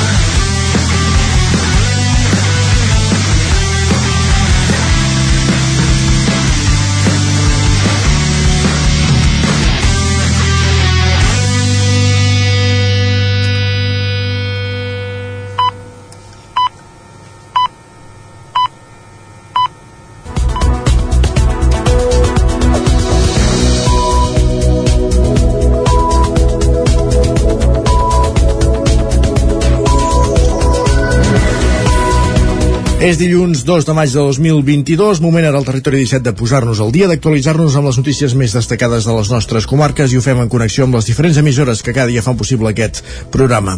La veu de Sant Joan, Ona Codinenca, Ràdio Cardedeu, Ràdio Vic, el 9 FM i el 9 TV. El nou cap de Sant Feliu de Codines es va inaugurar aquest divendres amb la presència del conseller de Salut Josep Maria Argimon. Ona Codinenca, Caral Campàs. Després de posar en funcionament el nou centre de salut de Sant Feliu ara fa un mes, aquest divendres es va inaugurar oficialment l'edifici amb la presència, com bé deies, del conseller de Salut Josep Maria Argimon. Gràcies a un procés participatiu, l'edifici situat al costat del centre cívic La Fonteta va ser batejat com a cap Doctor de los Pinos, qui va ser metge de família durant més de 40 anys a Sant Feliu i qui va morir el 2020. La nova infraestructura és una de les demandes més històriques que hi havia al municipi per les mancances que tenia l'edifici de l'antic ambulatori. Argimon Argimon va destacar el nou de, el, perdó, Argimon va destacar el nom del nou centre de salut. A part de la medicina. La medicina, en realitat, el cor, el cor de la medicina és cuidar, acompanyar, i repeteixo, de tant en tant eh, pots curar alguna persona. I per això em fa il·lusió que porti el nom d'una persona que ha dedicat la vida als seus pacients, la vida al poble i durant l'acte també va intervenir Miquel Ángel Pozo, director de l'àrea bàsica sanitària de Caldes de Montbui. Pozo va fer referència a la manca d'espais que ha patit el cap de Sant Feliu durant molts anys i que ara s'ha pogut resoldre. També va detallar els nous serveis que ofereix el CAP, com per exemple sessions d'educació postpart, un educador social, una referent de benestar emocional i una nutricionista. Qui també es va fer present a la inauguració va ser la Plataforma per la Sanitat Pública de Sant Feliu de Codines. Des de la plataforma van penjar una pancarta on es podia llegir Volem el CAP ple de serveis serveis. Mil nens i nenes mereixen pediatre. Com a protesta no comptar amb metge pediatre 5 dies a la setmana. Ara per ara s'han garantit 3 dies que segons la plataforma no s'estan complint. Alhora van penjar mil llufes amb noms propis de nens per tal de reivindicar que aquests infants no són anònims. També van poder parlar amb el conseller de Salut. Sentim la Bàrbara de la plataforma. Després de l'acte ens hem pogut reunir amb el conseller i bueno, li hem fet arribar els 10 punts que des de l'ICS s'havien compromès a contestar-nos fa 4 mesos i que encara ningú ens havia contestat. Uh, del més rellevant de la conversa amb el conseller li hem exposat les queixes de l'atenció telefònica on tothom sap que és molt complicat que agafin el telèfon aleshores ha intervingut el doctor del Pozo que és el director de la BC de Caldes i ens ha vingut a dir que, que no hi ha solució perquè si posen més gent per agafar el telèfon el TAP passarà al següent nivell que és que no hi ha mm, suficients metges per atendre les consultes per, per trucades també ens ha vingut a dir que, que hi ha gent que truca innecessàriament i, i que fan perdre molt de temps i fan, ocupen les línies algunes de les seves altres demandes són la millora de l'atenció telefònica, com sentíem ara, o la recuperació del servei d'urgències nocturnes a Caldes de Montbui. Gràcies, Caral. Més qüestions anem ara cap al Ripollès, perquè l'Ajuntament de Can de Bànol canvia la qualificació de la finca de Calbranques a ús residencial per no haver-la d'expropiar. La de Sant Joan, Isaac Muntades. El canvi de qualificació urbanística de la finca de Cal Branques de Camp de Bànol, ubicada a l'Avinguda Pau Casals i popularment coneguda com la Casa dels Gats, va generar una certa polèmica en el ple municipal de dijous. Bàsicament, la proposta consistia a fer una modificació del Pla d'Ordenació Urbanística Municipal relacionada amb aquest immoble. L'any 2013, l'Ajuntament va qualificar la casa com a equipament sanitari assistencial perquè llavors l'Hospital Comarcal del Ripollès va considerar adquirir o tenir l'opció de compra d'uns terrenys adjacents a l'edifici. Només el carrer Pompeu Fabra separa el centre hospitalari de la casa de Calbranques. Com que el patronat de l'hospital va decidir que no l'utilitzaria per ampliar les instal·lacions, passats uns anys la llei obligava l'Ajuntament a expropiar el terreny. Cal recordar que l'hospital també és propietari de la casa abandonada de Cala Pasqualita i si mai volgués créixer ho podria fer per allà. Tornant a l'expropiació, l'alcaldessa Dolors Costa explicava com volen evitar-la. Abans d'anar a l'expropiació, el que hem intentat fer és fer un canvi de qualificació i el que és ara un equipament sanitari, passar-lo a un ús residencial, on el propietari podria tornar a recuperar un terreny perfectament edificable, perfectament comercialitzable, vendible per fer una promoció de pisos, i ell recuperaria doncs, aquest espai que en pot treure uns diners, un profit, i l'Ajuntament doncs, estalvia la despesa que suposaria una expropiació i al mateix temps tenir un patrimoni que és un solar molt gran amb una casa al mig, que aquella casa ara mateix s'ha d'enderrocar i que no, no ens aporta ara mateix en absolut res. El propietari propietari en demanava uns 450.000 euros, que és una xifra molt allunyada de la taxació feta per l'arquitecte municipal. Amb tot, el canvi de la qualificació feta per l'Ajuntament l'haurà d'aprovar Urbanisme. Un altre eh, renou urbanístic que ens assabentem dos o tres dies abans del ple i no acabem de saber la repercussió econòmica que tindrà pel poble, ja sigui per bé o per mal, segons la decisió que adoptin. Tornem a picar amb la mateixa pedra. Les comissions que vostès van crear en principi del seu mandat no han servit de gaire. Entre elles, la comissió del POU, a la qual podríem haver parlat d'aquest tema. Saben que estem acostant postures programàtiques referent a l'escola de la carretera de Gombrèn, però aquesta modificació pot canviar tot. L'acord que ara vostès demanen deixa palès de la mancança de visió que tenen i la manca de transparència que fan ús. La portaveu de la CUP, Mariona Baraldés, va mostrar inquietud per fins a quina alçada es podria arribar a construir si s'hi fessin pisos. En principi s'ha d'assimilar als edificis del costat. Gràcies, Isaac. Més qüestions. Tornem a Osona. La Covid-19 ha deixat una petjada inesborrable en la forma en què consumim la cultura. Per això, cada cop són més habituals les visites virtuals als museus o fins i tot el turisme a través de pantalles. De tot això se'n va parlar a la segona jornada de Patrimoni Digital, una trobada que es va fer al Museu d'Art Medieval de Vic amb l'objectiu de trobar respostes tecnològiques per l'era post-Covid. Visites virtuals, sessions educatives remotes, experiències immersives o turisme a través de la pantalla. Aquests nous conceptes han estat claus en la segona jornada de Patrimoni Digital, una trobada de professionals del sector per debatre sobre les novetats tecnològiques imprescindibles per mantenir el contacte amb el públic, especialment després de la Covid. Un canvi de paradigma, com la digitalització dels catàlegs, que es van veure precipitats a fer però que han arribat per quedar-se. La trobada, que es va fer dijous passat a Vic, va ser tot un èxit i es va rebre, s'hi van rebre més d'un centenar de propostes amb nous projectes. Ho explica Carme Comas, que és la responsable de comunicació, activitats i programes comunitaris del Museu d'Art Medieval de Vic. Ha estat un èxit rotund, de fet la primera que quan vam iniciar les inscripcions amb una hora ens havíem quedat ens havíem quedat sense places, per tant aquesta ja ens esperàvem que tindria també repetiria aquest èxit. El digital sabem tots que és present en les, en les nostres vides, en tots els àmbits i que té una presència molt important i per tant els museus, els monuments i el sector cultural no se'n pot mantenir al marge. El Museu d'Art Medieval de Vic, que no és cap altre que el Museu Episcopal de Vic, el qual recentment se li ha fet un canvi tant amb logotip com fins i tot amb, amb la manera d'anomenar-lo. Dit això, expliquem que la jornada va servir també per presentar noves propostes com la Miró a mà, jugar amb foc al Museu de la Vida Rural o també les visites en línia als Gigs de Girona.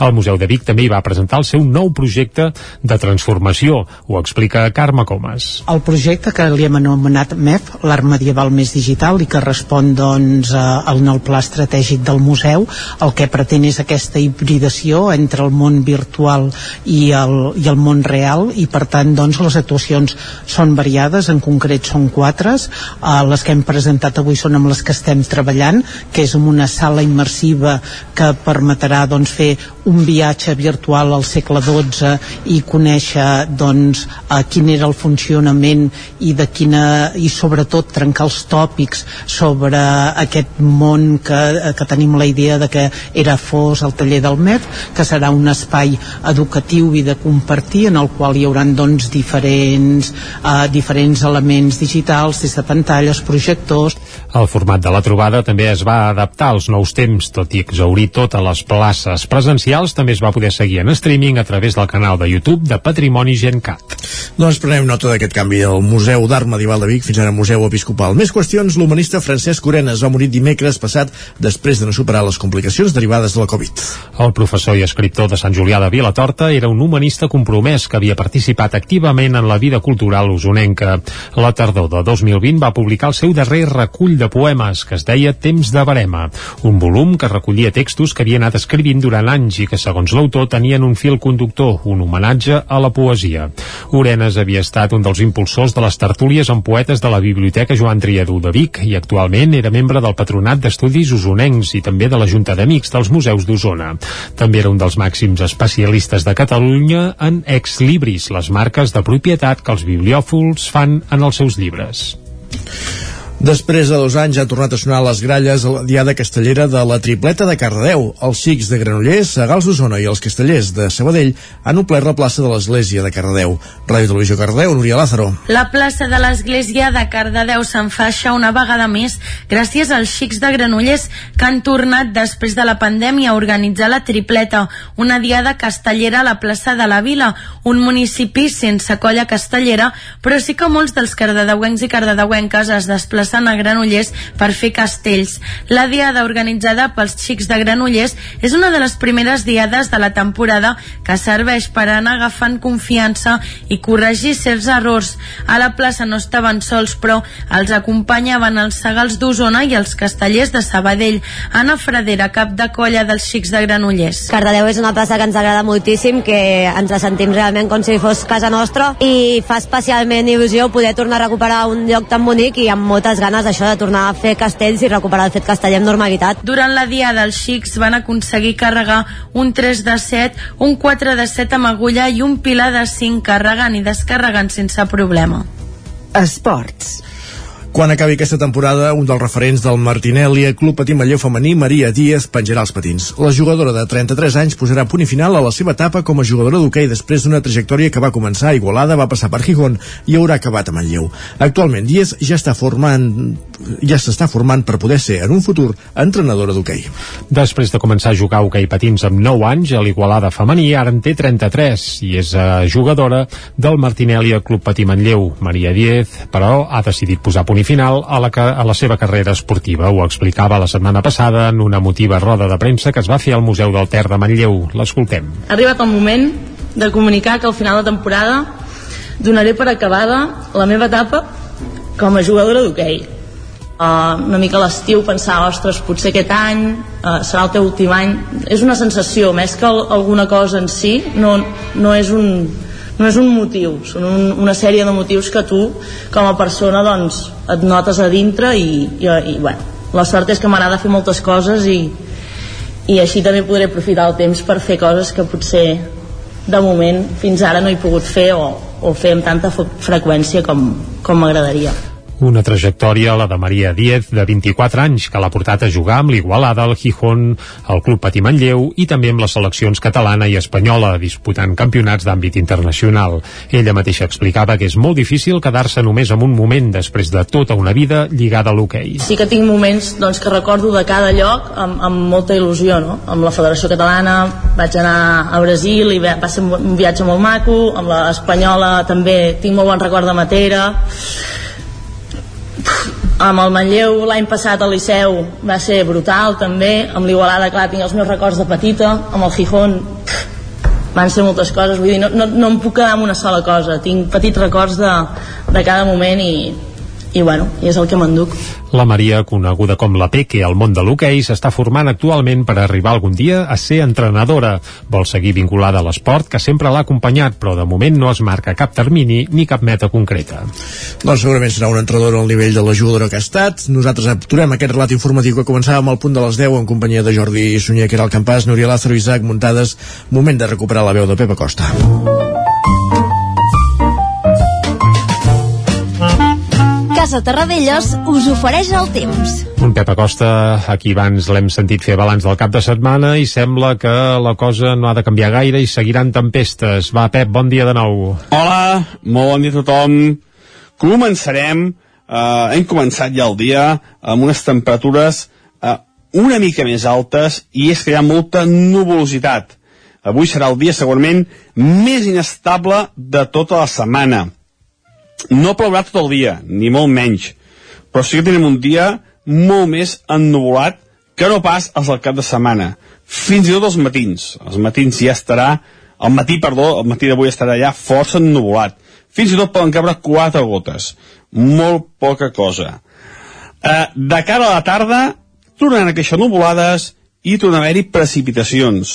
No seran tan importants com el cap de setmana, però sí que poden ser més extenses. És a dir, afectarà més poblacions, a més comarques, però eh, seran quantitats més, més modestes, eh? no prou tant com el cap de setmana. I les temperatures màximes a destacar baixaran de forma important. Avui la majoria de màximes entre els 15 i els 17-18 graus. Eh, poques poblacions superaran els 20 si és que alguna hi arriba. Mm, Per tant, una baixada de temperatures bastant important, fruit d'aquesta nubositat molt més important que, que tenim, que serà la, la protagonista del dia d'avui. Vents variables, en el moment de tempesta, en el moment de precipitació, poden ser bastant importants, eh, per tant una mica de precaució quan hi hagi la precipitació més important aquesta tarda. I això és tot, a disfrutar el dia d'avui, a disfrutar d'aquest ambient una mica més fresc i una mica més eh, ennulat i plujós que no que el que hem tingut el cap de setmana. Moltes gràcies, adeu. Vinga, gràcies a tu, Pep. Salut i això, aquesta tarda sembla que repetiran les tempestes, per tant, el paraigua a prop. Exacte, estem pendents del cel. Doncs vinga. Anem cap a l'entrevista. Anem-hi. Casa Tarradellas us ha ofert aquest espai. Territori 17. Envia'ns les teves notes de veu per WhatsApp al 646 079 023. 646 079 023. WhatsApp Territori 17.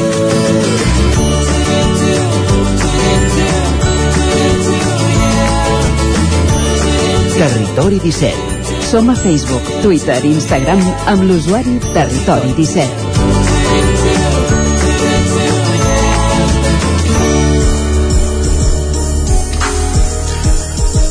Un minut i mig que passen d'un quart d'onze, l'estudi d'arquitectura La Col, que compta amb l'arquitecte codinenc Ernest Garriga, ha guanyat el primer el premi, perdó, Mies van der Rohe Emergent 2022, el guardó d'arquitectura contemporània de la Unió Europea. Caral Campàs, zona codinenca.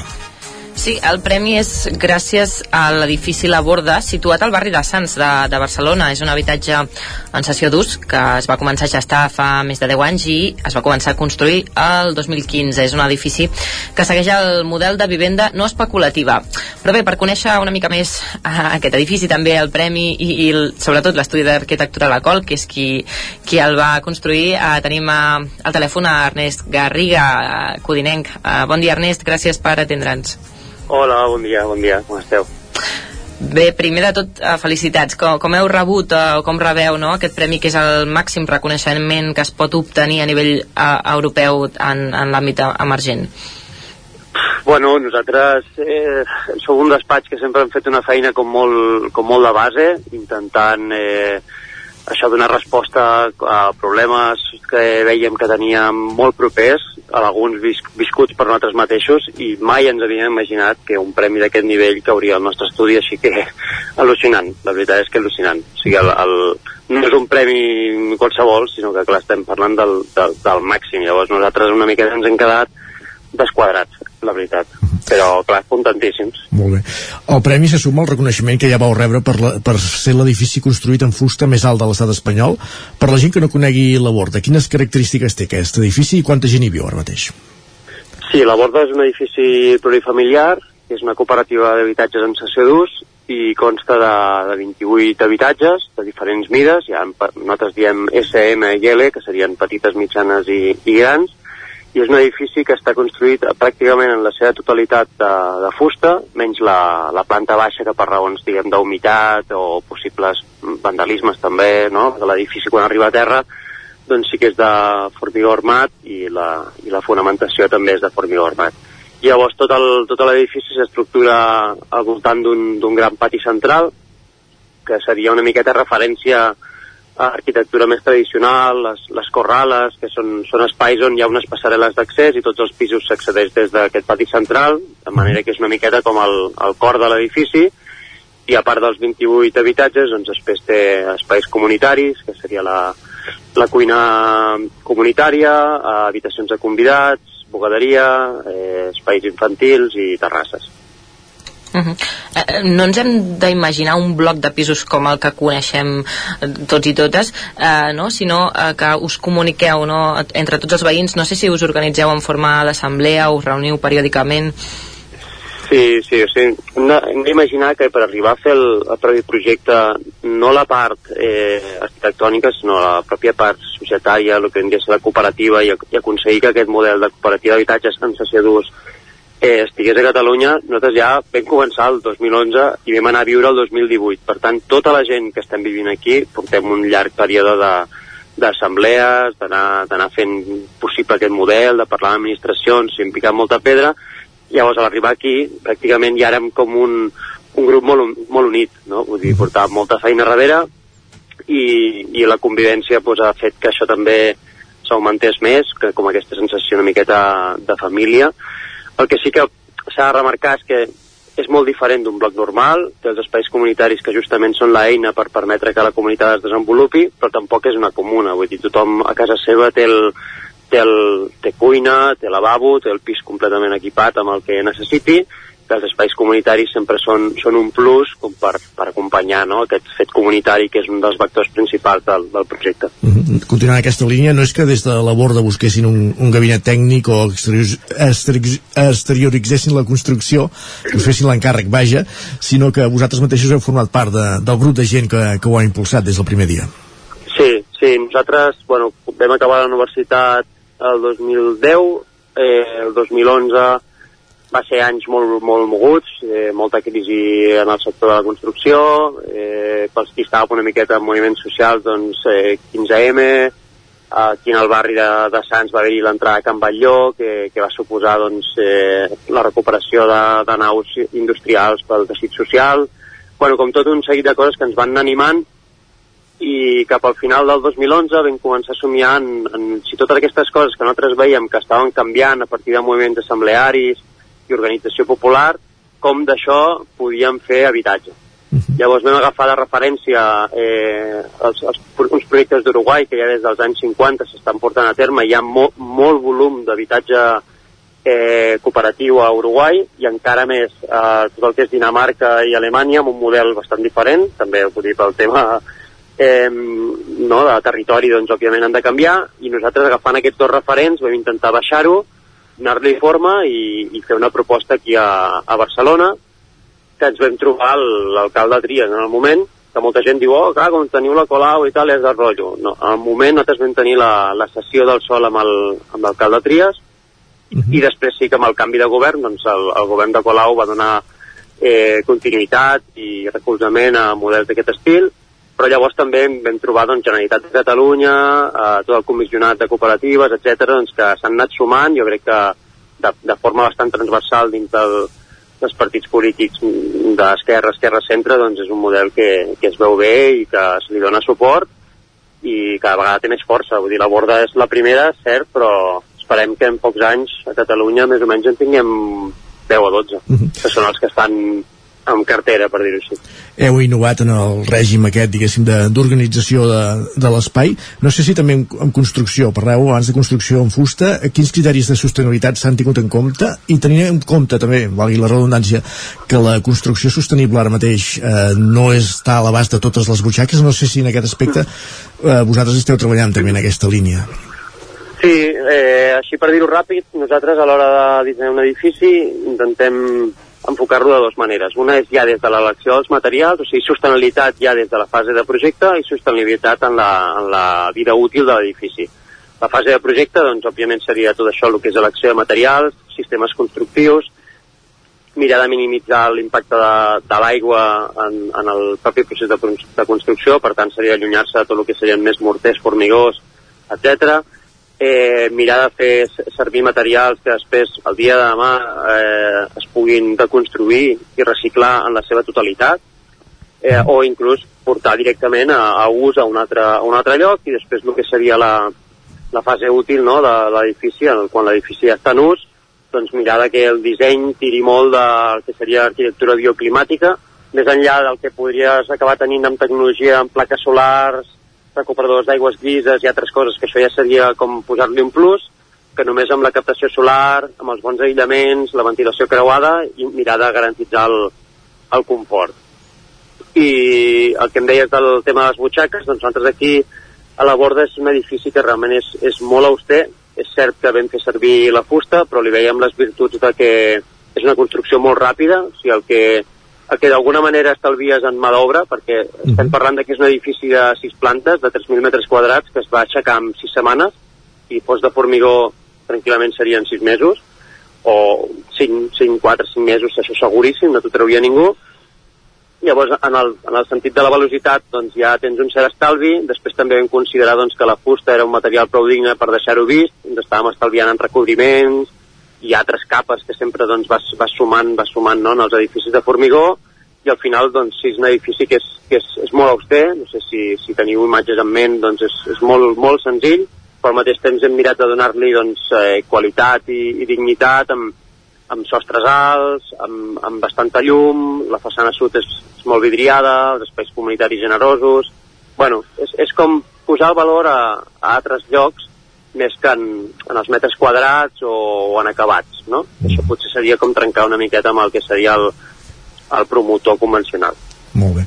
Uh, per, per anar acabant, ens queda un minutet. Uh, per tant, entenem que, que la filosofia de la col és la sostenibilitat i el, i el cooperativisme? Sí, sí, nosaltres ens agrada parlar de sostenibilitat en, com en molts aspectes, sostenibilitat econòmica, social, ambiental, i en la social doncs, seria tot aquest fet comunitari, sentir-te més acompanyat, etc. L'econòmica, doncs, treballar amb, amb, des de la sostenibilitat però sense mirant d'arribar a totes les butxaques, i el cooperativisme seria com un fet transversal que fa que el nostre estudi sigui un, una estructura horitzontal on, on tots els socis i sòcies actuem per igual i després sí que hi ha una, una capa de gent més jove, que són treballadors, treballadores, però que si el dia de demà també volguessin entrar a la cooperativa i encaixa tot a nivell humà i, i tècnic, doncs, doncs segurament també, també entraria. Molt bé. Ernest Garriga, eh, arquitecte i, guanyador amb aquest premi compartit amb la, amb la cooperativa d'aquest Mies van der Rohe Emergent 2022. Gràcies per ser avui al Territori 17. Moltes gràcies. Bon dia. Bon dia. Gràcies també, Caral, per acompanyar-nos en aquesta entrevista. Parlem d'aquí una estona. Fins ara. I el territori 17 que avança, fem tot seguit una pausa per la publicitat i aquí ja tenim a punt en Guillem Sánchez que ha fet una immersió a Twitter i a punt amb les pilades més destacades per portar-nos-les a l'antena just abans de la taula de redacció i, i abans també de fer el repàs a l'agenda esportiva amb la qual acabarem el repàs esportiu amb el qual acabarem aquesta segona hora de Territori 17. Fins ara. El nou FM, la ràdio de casa, al 92.8. Això és el que s'escolta al voltant d'una caldera saunia d'Oval. Tranquilitat i benestar, perquè gaudeix del millor manteniment del servei tècnic oficial per estar despreocupat. O el que vulgui. Informis a Oficiat Nord trucant al 938860040. Saunia d'Oval, sempre al seu costat. Cobertes serveis funeraris. Els nostres tanatoris estan ubicats en els nuclis urbans més poblats de la comarca d'Osona per oferir un millor servei. Tanatori de Vic, Tanatori de Manlleu, Tanatori de Centelles i Tanatori de Roda de Ter. Sabem que són moments difícils i per això el nostre compromís és atendre-us en tot moment amb un tracte humà, sensible i respectuós. Cobertes serveis funeraris. Telèfon 24 hores 93 883 23 46. El Racó de León ja és primavera. Gaudeix de la nostra terrassa. Vine a tastar les xuletilles de lechal a la brasa amb una bona amanida o el xuletón de vedella gallega. No et pots perdre el nostre lechado de Castilla al forn o el cochinillo a l'estil de Segovia. Tot acompanyat del millor celler, al menjador o fora la terrassa. Descobreix la millor cuina de lleó sense moure't de casa. Vine amb la família, els amics, la parella o sol. T'encantarà.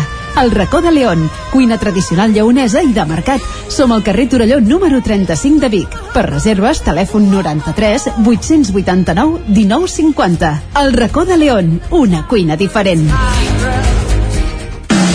Arriba la primavera i tornen les samarretes. A Gràfic Cert tenim una extensa varietat de samarretes per vestir el teu personal, promocionar la teva empresa, club esportiu, associació... Si estàs organitzant un esdeveniment esportiu o una festa cultural, una samarreta és una bona opció per lluir la teva marca. Ja ho saps, si el que necessites per la teva promoció és una samarreta, Gràfic Cert és el teu proveïdor. I ara també tenim a la teva disposició samarretes 100% reciclades tant de cotó com de polièster. No esperis més i truca'ns al 93 886 12 15 o visita'ns a graficcert.com. Cocodril Club. Si t'agrada la bona música dels anys 60, 70 i 80, escolta el 9 FM als matins de dissabtes i diumenges d'11 a 1. És el temps del Cocodril Club, tot un clàssic de la ràdio, amb les bases del pop-rock, les llegendes, les cançons que s'han convertit en autèntics himnes. Recorda, dissabtes i diumenges al matí, d'11 a 1, al 9 FM 92.8. Cocodril Club. el programa Revival de l'Albert Malla. Hasta luego, cocodrilo. Anuncia't al 9FM. La màquina de casa. 9 3 8 8 9 4 9 4 9. Publicitat arroba al 9FM.cat. Anuncia't al 9FM. La publicitat més eficaç. El 9 FM, el 9 FM. En punt, al territori 17, dos quarts d'onze.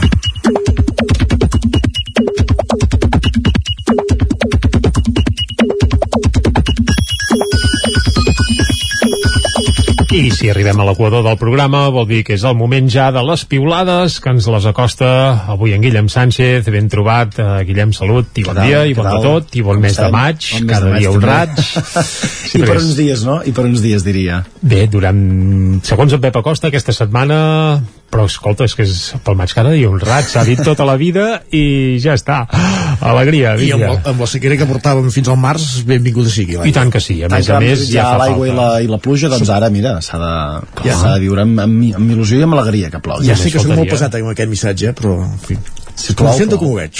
doncs va, vinga, fet aquest apunt meteorològic, anem a fer apunts uh, tuitaires i per on ho arrencarem avui, va. Doncs ho arrencarem pel fet que és dilluns, com dèiem, perquè Sí, per l'Èlia això- no se li ha posat pas gaire bé. Diu cansada que la durada del cap de setmana no sigui proporcional a lo llarga que es fa la setmana. Bé, això ens passa una mica tots, em sembla. Bé, però és que això és com el temps, com el maig, com hi ha el que hi ha. I escolta, no ho canviarem pas, però bé. Tot i això, avui és un gran dia per a molts, ens ho recorda la. Marta. Diu, els dilluns amb crims són menys dilluns, i ho sabeu. Doncs Torna Crims a TV3 avui, és veritat. Tothom enganxat a la televisió, a qui li interessa, evidentment, Bé, també poden sèrie. mirar el nou TV, eh, amb el temps afegit per saber què ha passat esportivament al cap de setmana, entre d'altres coses, i el Crims, tu, amb el botó vermell, se'l mirin quan vulguin. Ara ho has dit, sempre es pot recuperar la carta qualsevol I dels tant. continguts. A la Montserrat per això li ha passat allò que no vols que passi mai, que són coincidències curioses. Diu, perdent-me l'estrena de la nova temporada de Crims perquè el meu culet simpàtic té entrades per al Carràs aquest vespre. Però si ja li hem dit que vagi a veure el Carràs volant i Crims que se l'empassi quan vulgui, home, que estem al segle XXI ja. Per cert, molt pesadeta la gent amb el Carràs de Twitter, eh? Sí? Ja està, ja ho he dit. Ja ho he dit? Sí, hi, hi ha algun piulet del Carràs? Clar, no sé si, Guillem? si estàs gaire d'acord amb el tuit de la, de la Marta, Una Isaac. altra cosa és que estigui d'acord, però que són Però molt l'he- pesats. l'heu vist ja? O No, encara no, no, jo no. val, val, No, val, molt bé, molt bé. No, doncs la Marta ens destacava, diu, cua, cinema ple, el Carràs en català i sense subtítols. Quina meravella de pel·lícula de Carles Simón, la terra, la família i quina tristesa veure com ens ho carreguem tot. Doncs s'haurà d'anar a veure. Sí, el missatge és, és bastant realista i ja, bé, hi ha el que hi ha, sí, sí. I recordeu que hi era el dia de la, de la mare, oi? Bueno, sí. 1 de maig. Això diu, això diu el Corte Inglés. Això diu el Corte Inglés. Doncs va, l'Anna també vol aprofitar la celebració per posar l'accent en una altra qüestió. Ens escrivia tant dia de la mare, tant dia de la mare, des d'aquí reivindico el dia de les tietes, peces fonamentals pel bon funcionament de les famílies. I tant, el de les tietes, de les Vinga. àvies i de... De que faci falta. I el que sí que hi era ahir, el dia del treballador, eh? Ahir era primer de maig. Sí, aquest, aquest, eh, aquest sí. Aquest sí que el teníem controlat. No, el de la mare, en teoria, és el primer diumenge de maig de cada any. Clar, ahir va coincidir dia del treballador amb dia de la mare, però, però com diu l'Isaac, el corte inglès, que ahir no sé si estava obert o no, que no. uh, aquests que no, que no fallin mai, va. Va, i la el Núria, de per la seva banda, es va trobar amb un regal inesperat. Ens Quin? escriu, avui el meu fill ha dit haig de, en lloc de tinca, després d'anys, repetir-li home, insistent. ara, ara. I gairebé plou, diu, el millor, Visca. el millor regal pel dia de la mare. Això, això sí. té tota la raó del món, Totalment d'acord, i tant que sí. Va, i si us penseu Visca. que des dels escenaris els cantants i músics no s'adonen de les coses, aneu ben equivocats. En Pau de Ginestar ens ho confessava també a través del missatge de Twitter. Diu, Pau Serra Solses, que, que diu explica? quan esteu a primera fila i moveu la boca fent veure que us sabeu les cançons, us veiem. Fa molta gràcia. Fent veure que us sabeu les cançons? Està bé.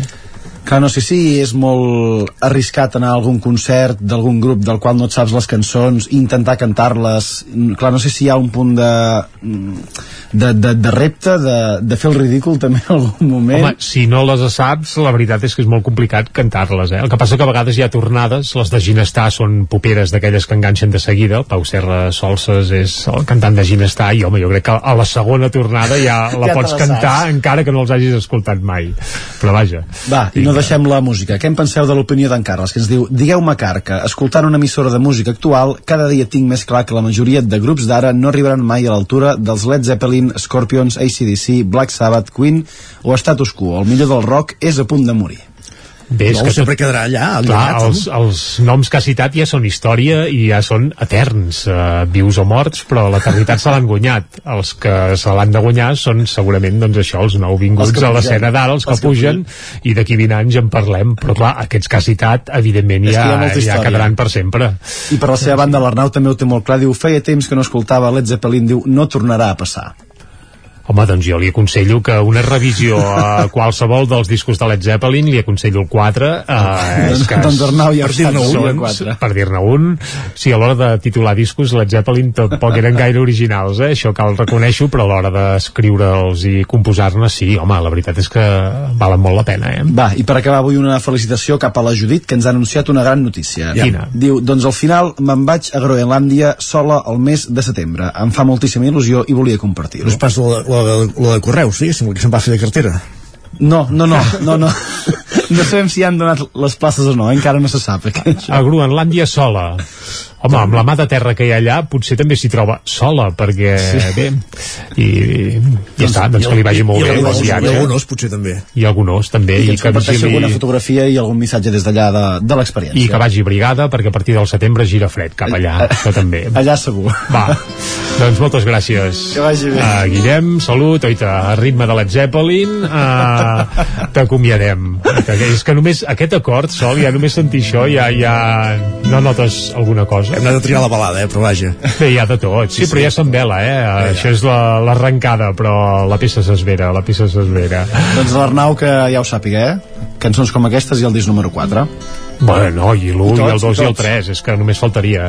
Va, vinga, i palavena. El Que que, passa bé. que, clar, sí que com a banda sonora per anar fent, com quan escolta Ràdio Fórmula, home, Led Zeppelin està engolir-ho uh, sense fer gaire més feina. Però vaja, cadascú que faci el que vulgui. Va, Alegria. digital ràpidament. Va, anem als digitals. Al Gràcies, 99.cat, arrenquem pel Vallès Oriental, tot i que mm, també podria ser l'edició d'Osona, que ara mateix obre explicant que Aigua Freda votarà el proper dia 29 de maig si segueix el Vallès o marxa a Osona. Aquest és el titular principal que apareix a l'edició del Vallès Oriental. També moren dos homes de Palau Tordera i la Llagosta en un accident a la C35 a Cardedeu i també tenim que el govern de la Llagosta aprova el pressupost sense cap vot en contra. Anem a l'edició d'Osona i el Ripollès, que podria obrir també amb el tema aquest d'aigua freda, però no ho fa, eh? Uh, si no cobra uh, amb una entrevista el planeta Terra sobreviurà. Els humans ho tenim més complicat. Qui ho diu això? Doncs ho diu la Núria Casa Coberta, una oceanògrafa física que per variar és de Malla. És que Malla últimament Sí, sí, un poble petitíssim, però ho tenen tot, eh? Cineastes, actrius, il·lustradores, escriptores. escriptores d'èxit, és, és terrible el que passa a Malla. Algú hauria d'investigar-ho, això. I camps de colze. També, també, també. Creen Acció Trans per fer activisme a la Catalunya Central, la primera associació eh, formada eh, per una dotzena de- d'activistes trans i tres amics del futbol. El secret de per què el Tona ha pujat a tercera divisió el trobareu en aquest article que es pot llegir ja al 99.cat d'Osona i el Ripollès. Dit tot això, gràcies Jordi, anem cap a la taula de redacció. Anem.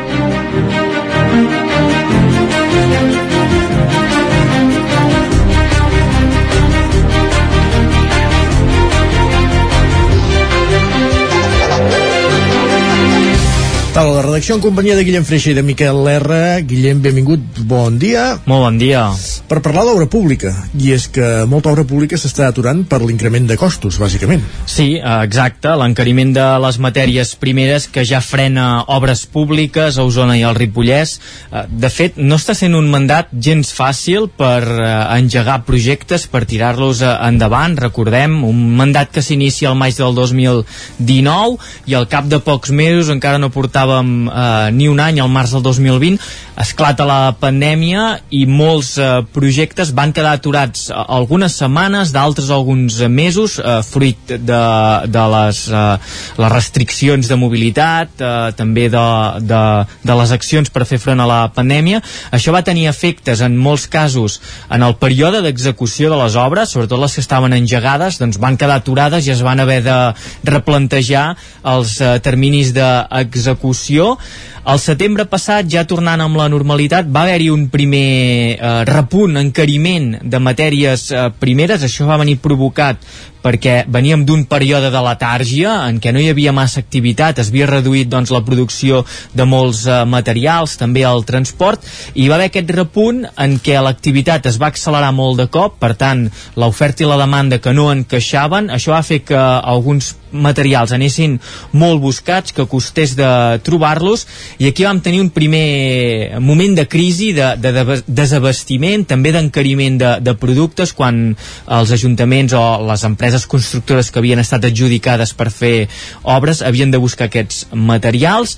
Això eh, es va anar equilibrant, anàvem cap a un moment d'equilibri, de, i ara, amb l'arrencada d'aquest 2022, arriba un conflicte com és la guerra d'Ucraïna, un conflicte a les portes d'Europa o per eh, dir-ho d'una manera en territori europeu, això eh, provoca una sacsejada en altres àmbits a nivell global, doncs en la logística, en la distribució, eh, en les relacions comercials entre països i estem ara eh, en un altre moment d'encariment de materials. Com dèiem, això ja ha tingut derivades a l'últim nivell de les institucions, com són els eh, ajuntaments, i aquí a Osona i al Ripollès ho hem vist, com dèiem, amb obres eh, públiques que han quedat frenades. En tenim alguns exemples. Per exemple, l'Ajuntament de Centelles es troba fent la rehabilitació del Palau dels Comtes, o ha iniciat aquesta rehabilitació del Palau dels Comtes, uh -huh. i l'estiu passat va preparar tot un plec de condicions per eh, treure concurs la reforma de la coberta i la teulada d'aquest Palau dels Comtes i es plantejava una estructura feta amb gran part de, de fusta, de material de fusta. Va seguir tot el procés administratiu, es va licitar, es va arribar a adjudicar, però quan es va haver adjudicat l'empresa que ho havia de fer finalment no va formalitzar el contracte perquè va veure que amb les condicions en què s'havia presentat en aquest concurs l'estiu passat que eh, tenia previst comprar el material de fusta doncs el preu que anava a la fusta a dia d'avui quan ha de començar executar aquesta obra no li encaixava de cap de les maneres amb el pressupost que havien presentat a l'Ajuntament de Centelles i es van tirar enrere. Què ha fet Centelles? Doncs el que ha fet ha sigut agafar aquest eh, projecte, reformular-lo, canviar materials, eh, la part aquesta de fusta doncs l'ha canviat per materials que no són tan volàtils en el, en el canvi de, de preus i l'ha tornat a posar a licitació i en breu s'adjudicarà. Uh, un altre cas, el carrer Gran de Call d'Atenes, també un dels projectes importants del municipi, en aquest cas el coordina o el dirigeix la Diputació de Barcelona, portem anys, eh, porten anys eh, treballant-hi a finals de gener l'empresa que va guanyar aquesta adjudicació eh, doncs també va veure que no li encaixava l'oferta que havia presentat per fer les obres amb el preu que realment ho podria fer dia d'avui perquè s'havien disparat els preus. Ara s'està mirant eh, si hi ha alguna empresa de les eh, següents que es van presentar en aquest concurs doncs que accepta aquest eh, contracte i ho pot fer. Uh -huh. A nivell legal es pot arribar només fins a la desena oferta, se n'hi van presentar una quinzena. Si cap d'aquestes ho accepta, doncs s'haurà de tornar a licitar, s'haurà de tornar a adjudicar i ens deien que això, que unes obres que ja estaven a punt per començar l'execució ens en tornarem a anar pràcticament a la tardor, al mes d'octubre, amb la demora que tot això suposa. Per tant, ens trobem amb aquesta disfunció. Eh? Eh, es preparen plecs de, de, de clàusules de, de condició per fer unes obres amb uns imports, amb uns materials, es fa tot el tràmit administratiu i ara que és el moment d'executar-ho, doncs les empreses veuen que no els hi encaixa l'oferta que van fer en aquell moment amb l'execució que haurien de fer dia d'avui. Doncs anirem seguint i segurament no serà l'última notícia que sentim en aquesta línia. Moltes gràcies, Guillem. Adéu. Adéu, bon dia. Continuem parlant a la taula de redacció, ara de coses més amables, més agraïdes. Miquel R, bon dia. Doncs sí. Aquí... Perquè ahir te'n vas anar de plec. Ahir me'n vaig anar de plec. També hi ha retards aquí, eh? També Sí? parlarem. Molt bé. Però sí. Eh, podríem dir, bueno, de fet és així, que fa 65 anys que es va crear la plec de Sant Segimon, eh? Aquesta ermita perduda eh, en terme de. Viladrau, eh? Correcte. Els que hi pugin per Collformí, com si pugessin fins al Matagalls, doncs en lloc d'anar cap a la dreta, cap a l'esquerra, ja ens hem entès.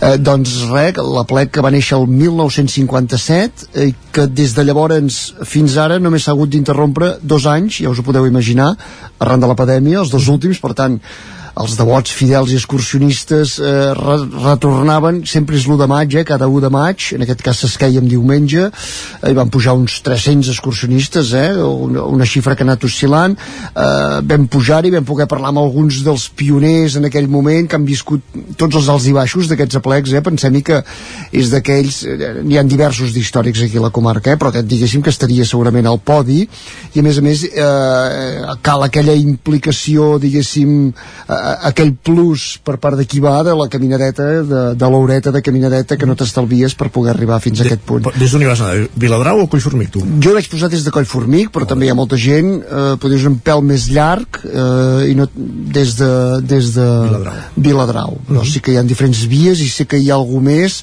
això ja és desconeixement, que puja més pel dret, però aquesta via ja no me, no me la conec. jo diria que hi ha una gran majoria que, posen, que pugen per Collformic, pensem que, que hi va gent est estratègicament situat en aquesta banda del Montseny, però també hi puja molta gent del, del Vallès Oriental, per tant, per tant una mica això. Eh, par parlava dels retards, perquè, perquè eh, tan sols 10 anys enrere, o una mica més, ja no diguem de quan hi pujaven aquests, eh, tots aquests veterans que ens trobàvem aquest diumenge eh, l'entorn de, del santuari havia, estava molt destruït havia s'havia anat, estava molt decadent la mateixa església havia ensorrat la teulada i per tant eren uns anys també que es havien fet una mica, en fi, recordo ho havíem seguit aquí al 9 també als anys, a principis dels anys 90 s'havia fet alguna crida de, de salvar aquest patrimoni no? Sí. Eh, sembla que finalment eh, això fa 4 o 5 anys la família, la, els propietaris eh, han anat posant diguéssim una pedra sobre l'altra són d'aquells projectes costosos eh, evidentment que han de tirar a partir de la iniciativa privada però la veritat és que ara ja comença a fer goig la mateixa església ja està coberta i en mica en mica se li ha anat també fa 3 o 4 anys es va obrir una mica d'hostatgeria bueno, sobretot un, un punt de, pels caps de setmana de, de venda per, per, per fer-hi una parada. Per tant ha anat guanyant vida a l'espai també ha anat recuperant una certa, un cert esplendor tot aquest entorn. Per tant, ja dic, mereix la pena l'horeta de caminada perquè l'entorn és preciós. Perfecte, doncs ahir que se celebrava aquest plec històric a la comarca d'Osona a Sant Segimon, gràcies Miquel per, per anar-hi i per explicar-nos-ho. Molt bé, bon dia. Continuem al territori 17, deixem enrere la taula de redacció el que ens endinsem ara és el món dels esports. A repassar com ha anat esportivament parlant la jornada del cap de setmana.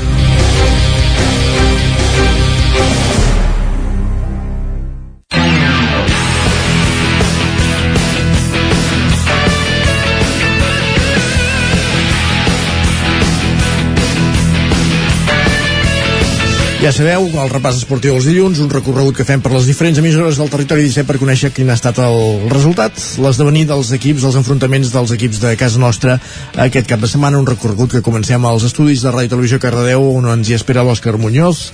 Bon dia, Òscar. Bon dia. Com anava doncs la cosa? Sí, començarem el, Saps que sempre vinc una miqueta negatiu els dilluns, sí, no? perquè és dilluns, ja ho sabem, però... sí, doncs aquest dilluns també pels resultats que, que hem trobat en les nostres Carai. lligues. Portem només una victòria, així que, bueno, comencem amb ella, ja que el primer equip del, del Cardedeu ahir diumenge va guanyar contra el Parets per dos gols a un. Molt bé. Un partit que va haver de remuntar, ja que el Parets es va avançar al minut 12 i doncs això, l'últim gol del Cardedeu va arribar al minut 89, així per la mínima però bona, eh, bona victòria pel primer equip que fa que pugi a la tercera posició de la segona catalana Doncs victòria important, com deies, i lluitada pel que dius. Molt bé. Ah, exacte, sí, fins al final. On no va haver-hi victòries va ser a la tercera catalana, ni el, fila, ni el filial ni el Llinàs van poder amb els seus partits. El filial va perdre per 3 gols a un contra els Dauents, contra el Canovelles. Era, va ser una miqueta sorpresa aquest partit, ja que el filial estava molt, molt bé en aquesta tercera catalana, anava segon situat eh, a la classificació, i doncs això, sorpresa a la tercera catalana. I el Llinàs doncs, no va poder superar l'Atmella del Vallès per dos gols a tres. l'Atmella que amb aquesta victòria doncs, supera el filial del Cardedeu i fa que baixin a la tercera posició. Bueno, estan allà dalt, per això, estan allà dalt. estan allà. I acabem a la tercera divisió espanyola. l'Esport Club eh, va perdre a casa però aconsegueix la permanència a la Lliga a la tercera divisió espanyola ja que doncs, mm, no feia falta doncs, guanyar aquest partit, podríem dir-ho així els granolleris van perdre per dos gols a quatre contra la Pobla Mafumet uh -huh. així que doncs això, no va haver-hi victòria però sí que va haver-hi al final doncs, felicitat, ja que es mantenen, ah, exacte, la permanència. Molt bé, doncs una I- tercera federació en què el Granollers s'hi manté i l'any que ve s'hi trobarà també el Tona, com a mínim en aquest derbi del territori 17 nou, perquè els tonencs evidentment han, han aconseguit l'ascens. Anem per l'embol. O no, Ah, o no anem per acabem... l'embol? Ah, sí. Sí, acabem amb, amb l'embol a Granollers, ja que aquí Cardeu ja han acabat. El, també amb dues derrotes. El Franking va perdre partit molt important tenia contra els segons, contra el Vidassó a Irún, un, un equip molt fort. Això va perdre per 29 a 27. I doncs també acabem amb les noies del 7 que van dir adeu a la Copa de la Reina divendres després de perdre el partit de quarts contra l'Atlético Guardés per 26 a 31 ara doncs ja han acabat la Copa de la Reina i la setmana que ve doncs la seguirem ja que segueix la Lliga Guerreres i Verdrola. Doncs ho anirem seguint. Gràcies, Òscar. A vosaltres. Continuem aquest recorregut, anem fins a una codinenca, em saludem de nou a la Caral Campàs per saber doncs, com ha anat la cosa pels equips de- d'aquesta zona del Vallès Oriental i del Moianès, Caral. Hola, doncs mira, en futbol, so- sobretot a tercera no ha anat gaire bé, però bé, començo per segona catalana, eh, on sí que ha anat eh, fantàsticament, que el, el Caldes ha vençut l'Argentona per 0 a 2, i bé, si la setmana vinent supera el Cardedeu, serà definitivament campió, tal com és ara també, i serà nou equip, per tant, de primera catalana. Uh, tot i que val a dir que amb un punt ja en tindria prou per, per ascendir. Uh, bé, uh, com us deia, eh, aquest dissabte uh, es va emportar la victòria contra l'Argentona, Alcaldes per 0 a 2, tot i que val a dir que va tenir eh, alguns problemes més dels previstos contra els del Maresme. Eh, on no ha anat també és a tercera, amb força derrotes. El Mollà va ser vençut pel Roda de Ter per 2 a 3. Els de la capital del Moianès van, va dir que van començar molt bé el partit, però bé, mica en mica el Roda van aga agafant protagonisme i a la segona part els usonencs eh, incorporant jugadors veterans sobre el camp que, que van portar un joc doncs, més físic i, i més dur eh, i a 5 minuts per acabar doncs, eh, els visitants es van acabar emportant el partit per aquest, amb aquest eh, marcador amb un 2 a 3 a favor del Roda de Ter. I teníem derbi territori 17 del filial d'Alcaldes eh, que s'enfrontava al Castellterçol també aquí a tercera catalana. Eh, un partit que se'l van endur els del Moianès per 4 a 1 i d'aquesta manera el Castellterçol doncs, aconseguia una victòria important amb un rival directe per seguir en la lluita per la salvació. Eh, tres gols a la primera part van deixar pràcticament sentenciat el partit arribant eh, al descans amb 3-1 al marcador i el quart del Castellterçol va arribar al quart d'hora de la represa que va deixar el partit sentenciat i per tant el Castellterçol està a 3 punts de la salvació. Uh, I tancaria el futbol amb una altra derrota per 3 a 5 a favor del Fulgaroles, que s'enfrontava a Sant Feliu de Codinàs. Uh, el Fulgaroles va capgirar el marcador davant els codinencs en un partit que va començar, on van començar perdent per uh, 2 a 0 als 10 minuts, i, i per això val a dir que els locals van començar forts, però el Fulgaroles a base de, de joc i d'insistir molt va aconseguir doncs, capgirar aquest marcador que va acabar amb aquest 3 a 5 a favor de, del Fulgaroles. Mm. I en hoquei, el Sant Feliu de Codines, que el tenim a segona divisió, es van portar la victòria, aquí tenim més bones eh, notícies. Um, sí, Eh, com deia, eh, els codinencs eh, a segona divisió es van emportar el partit que disputaven contra el Liceo per 5 a 2 eh, i bé, eh, tot i que el partit no va començar de cara de, pels codinencs, que abans del minut 12 perdien per 0-2, al tornar del descans van arribar a aquesta remuntada i van poder fer eh, fins a 5 gols. Per tant, eh, deures fets i per tant la permanència també, com ja dèiem el cap de setmana passat, la tenen assegurada aquí a segona divisió. I el rec amb les arcaldes, que el tenim a primera, es va assegurar l'última plaça que els donava drets pels play-offs pel títol de, de l'Hockey Lliga. Eh, aquesta última plaça assegurada gràcies a, a la victòria contra el Finques Prats Lleida eh, pel, eh, es van impu poder imposar els calderins per dos gols a tres. Eh, per tant, una 26a jornada que posava punt i final a la fase regular de Lliga que es va disputar en horari unificat i també va determinar els equips que jugaran per evitar el descens a l'Hockey Lliga Plata. Uh, per tant, doncs això, eh, Alcaldes havia de guanyar per assegurar-se aquest lloc uh, per jugar no? al playoff uh, Mhm, alhora al que l'Igualada també aspirava a la plaça si, eh, si els de Candam i si Alcaldes punxava, fet que no es va donar. Per tant, bé, aquesta vuitena posició assegurada i Alcaldes, desgraciadament, jugarà al playoff contra el Barça. El primer, primer classificat veurem com va i, a més a més, tornaran a jugar i disputar contra el conjunt blaugrana precisament al pavelló 11 de setembre de Lleida en la Copa del Rei que es disputarà el proper dijous 5 de maig. Dues cites eh, dels calderins contra el Barça eh, un Barça bé aquí fins ara no han pogut eh, guanyar mai. Veurem, veurem si, si poden fer història. Veurem, seria sonada. Sí, exacte. Gràcies Caral, fins ara. Merci, bon dia. fins ara. Continuem el recorregut pujant fins al Ripollès. Eh, ens hi espera l'Isaac Muntades a la veu de Sant Joan, bon dia Isaac. Bon dia Isaac. Bon Com dia. la cosa? Mm, bé, ha anat bastant bé excepte per al Camprodon. Uh, si us sembla comencem parlant exacte del, del Camprodon de, de futbol. El grup 4 de la fase de permanència de segona catalana va caure en aquest cas per 0 a 2 a casa contra el Marc Catalam i ara mateix doncs, se situa en places de descens perquè és penúltim de, del grup amb només 4 punts.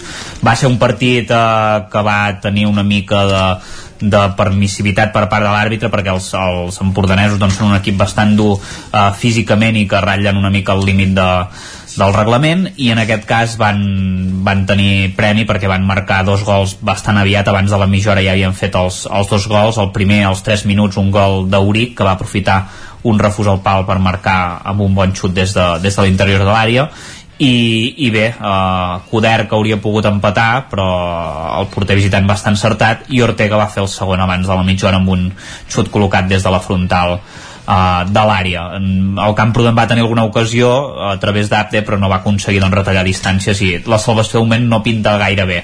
Um, en canvi, uh, molt millor pels equips de futbol de la tercera catalana del grup 19 perquè tots dos van obtenir la victòria. En el cas de la Badesenc doncs, va derrotar el Cué a l'Hostoles, però amb força patiment. Va fer-ho per 4-3 en un partit bastant boig, perquè els Sant Joanins guanyaven 2-0 abans de la mitja hora amb gol d'Àlex en una bona rematada i de Galvez, que se'l va fer en pròpia porteria després d'un refús del porter, però l'Hostoles doncs, va fer un gran esforç i va empatar abans del descans amb un doblet de Serrat que va aprofitar una pilota morta i també un 1 contra 1 per eh, definir davant del porter.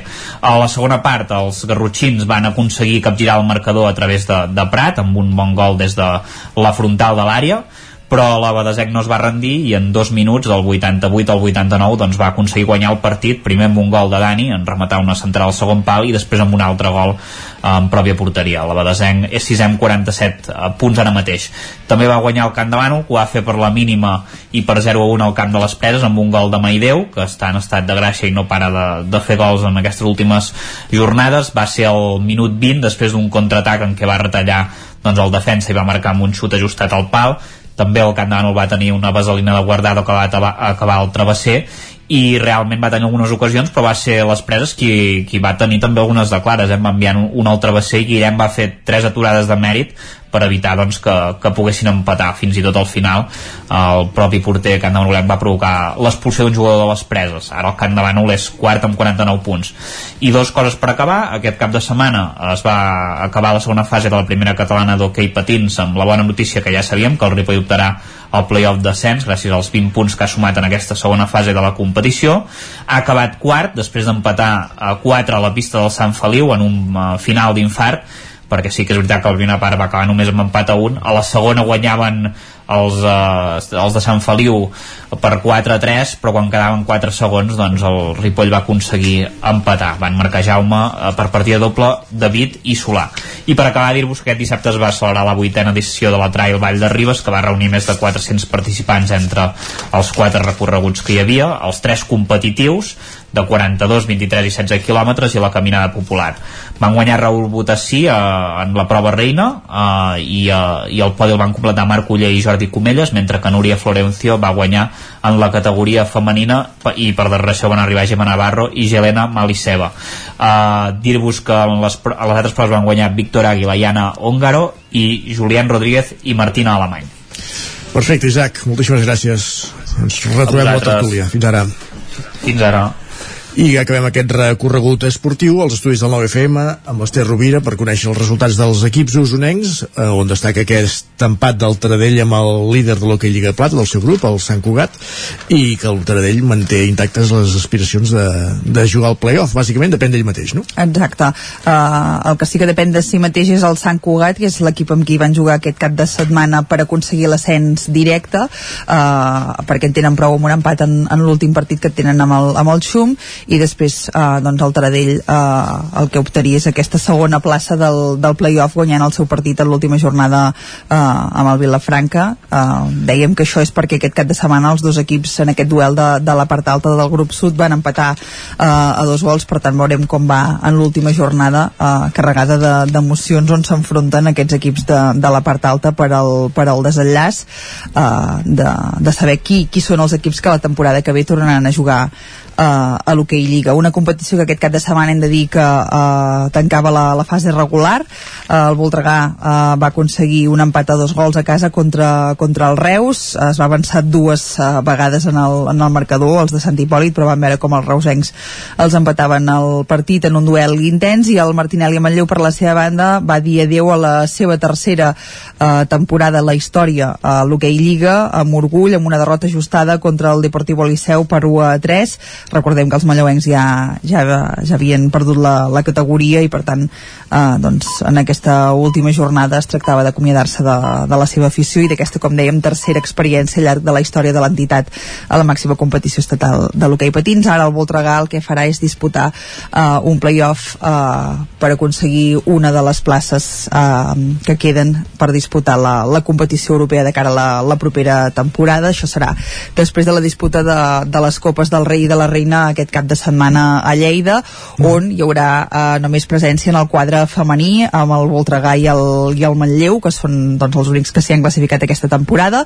Eh, pel que fa a la jornada que tenien eh, els dos equips eh, aquest cap de setmana a l'Hockey Lliga, el Voltregà eh, disputava dos partits, divendres rebia el Vilanova a casa, qui va superar per 3 a 2, mentre que ahir al migdia s'enfrontava a les Rozas, amb qui va empatar a dos eh, gols, eh, uns resultats doncs, que mantenen les eh, de Sant Hipòlit novenes a la classificació i el Manlleu per la seva banda es va assegurar ser el playoff per al títol de l'hoquei Lliga Femenina, va guanyar el Mataró amb comoditat a domicili eh, per 1 a 5 i per tant doncs ara ja toca pensar en, en un cop doncs aconseguit l'objectiu que tenien en la competició domèstica que era això, quedar dels quatre permís per disputar el playoff, ara mateix són terceres per darrere del Vilassana i el Telecable i a darrere hi tenen el, el Palau. Doncs un cop aconseguit aquest objectiu ara toca pensar eh, en la Copa de, de la Reina perquè si bé les mallauenques aquesta temporada optaven a tots els títols eh, doncs a la, la Copa d'Europa de, al final no s'hi van classificar i ara se centren en aquesta Copa de, de la Reina i en el final de,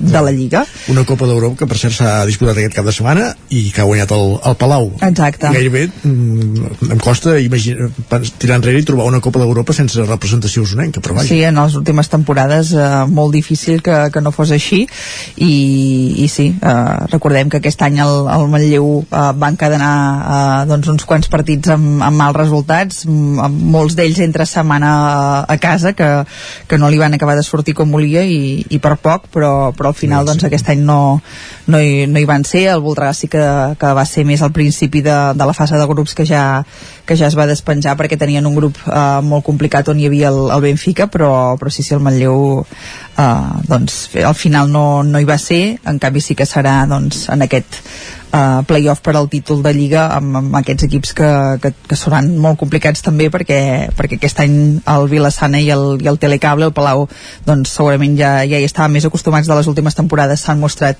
com equips molt, molt forts, veurem com, com van les coses. Molt bé. Uh, més coses, aquest cap de setmana també acabava la primera catalana de, de futbol. Uh, dir que el Tona va sumar la 19a victòria de la temporada, es va imposar per 3 a 4 al camp del Sant Ildefons, per tant una bona manera de tancar un curs que, que ha sigut històric amb aquest ascens a, a, tercera, a tercera divisió. El Manlleu per la seva banda va aconseguir un empat en el temps eh, afegit, va empatar a un gol eh, amb l'Atlètic Sant Just, de manera que acaba segon a 10 punts dels tonencs. El Vic va golejar en el comiat d'Albert Càmera a la banqueta, eh, amb un 0 a 5 al camp del Sabadell Nord, uh, i el partit ja va quedar resolt en només mitja hora de, de joc. I el Vic primer per la seva banda uh, doncs també es va acomiadar de la categoria perquè ja fa dies que recordem que l'havia perdut. I ho va fer amb una victòria per 2 a 1 a casa contra el Sant Cugat.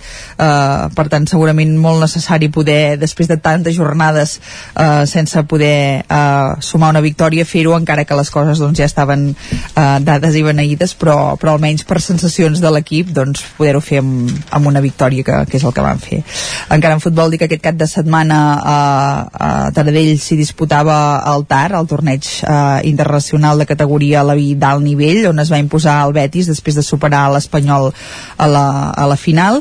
I més enllà de, del futbol aquest cap de setmana uh, hi havia diversos punts d'interès uh, un d'ells era la Superdivisió Femenina de Tenis Taula on el Girbau Vic TT uh, tenia en joc acabar en posicions d'honor a, la, a la Lliga i així va ser, les biguetanes acaben terceres aquesta temporada després de guanyar per 4-3 el partit de tornada del, del playoff amb el Priego de, de Còrdoba uh, d'altra banda aquest cap de setmana també es disputava al Club Tenis Vic el, el torneig uh, Nacho Juncoso on van guanyar Sergio Planella i Helena Cabos, uh, Cavacova um, en aquest torneig de categoria sub-16 internacional i uh, més punts d'interès tant en ciclisme com en curses de muntanya. Uh, es disputava la, la Via Castrum on es van imposar Jordi Roy i Judit uh, Frank mentre que David Amlas i Lorena uh, Cubillas i Cesco Comte i Helena Mercader van guanyar la resta de, de curses uh, d'aquesta cursa de muntanya de Santa Eulàlia de Puig-Oriol.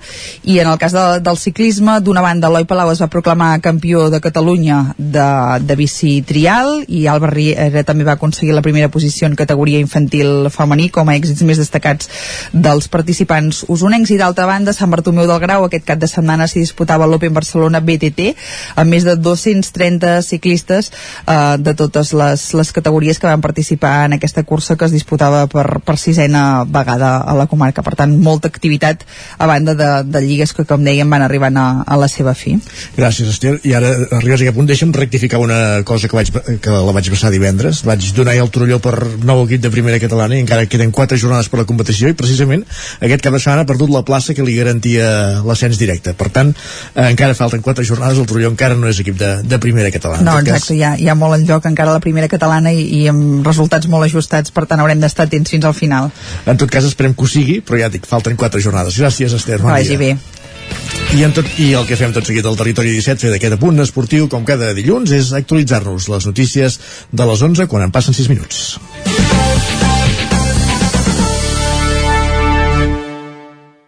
Territori 17, amb Isaac Moreno i Jordi Sunyer.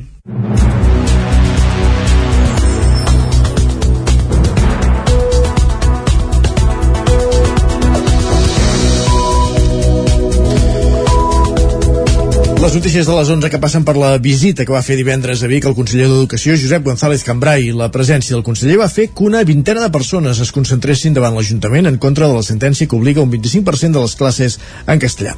González Cambrai va defensar el model d'escola implantat a Vic i també va llançar un missatge als sindicats del sector de l'educació. Una vintena de persones es van concentrar divendres davant les portes de l'Ajuntament de Vic amb motiu de la visita del conseller d'Educació Josep González Cambrai.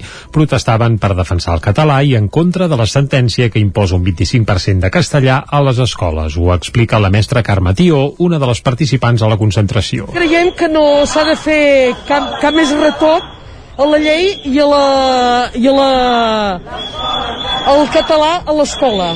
Que el que s'ha de fer és implementar-lo del tot i no anar retallant. Aquest 25% que han imposat els tribunals no pot ser. Jo crec que a Catalunya tenim prou, hem de tenir prou autonomia com per defensar el, la nostra llengua conseller d'Educació va visitar l'Ajuntament biguetà i va signar el llibre d'honor. Durant la visita, González Cambrai i l'alcaldessa Anna R van posar de manifest l'èxit del model d'escola de Vic. Escoltem per aquest ordre a l'alcaldessa Anna R i el conseller Josep González Cambrai. Del model Vic sempre hem dit doncs, ja que és el model del projecte Vic, eh, en el sentit de que nosaltres el que el volem és millorar sobretot doncs, els projectes educatius dels centres per fer un, un sistema educatiu doncs, cada vegada que afronti més les necessitats i la nova visió de l'educació del segle XXI.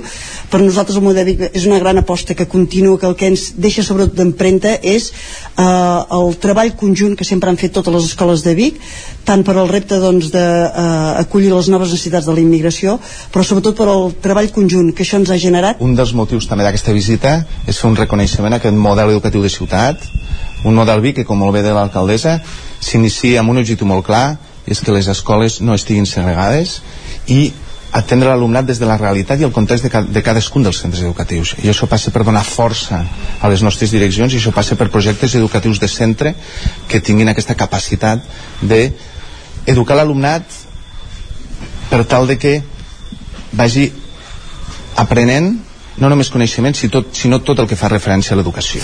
Des de Vic, el conseller també va fer una nova crida als sindicats del sector de l'educació per tal que continuïn negociant per arribar a un acord amb el departament. L'escoltem. No ens hem aixecat mai de la cadira. Des del primer dia volem un acord.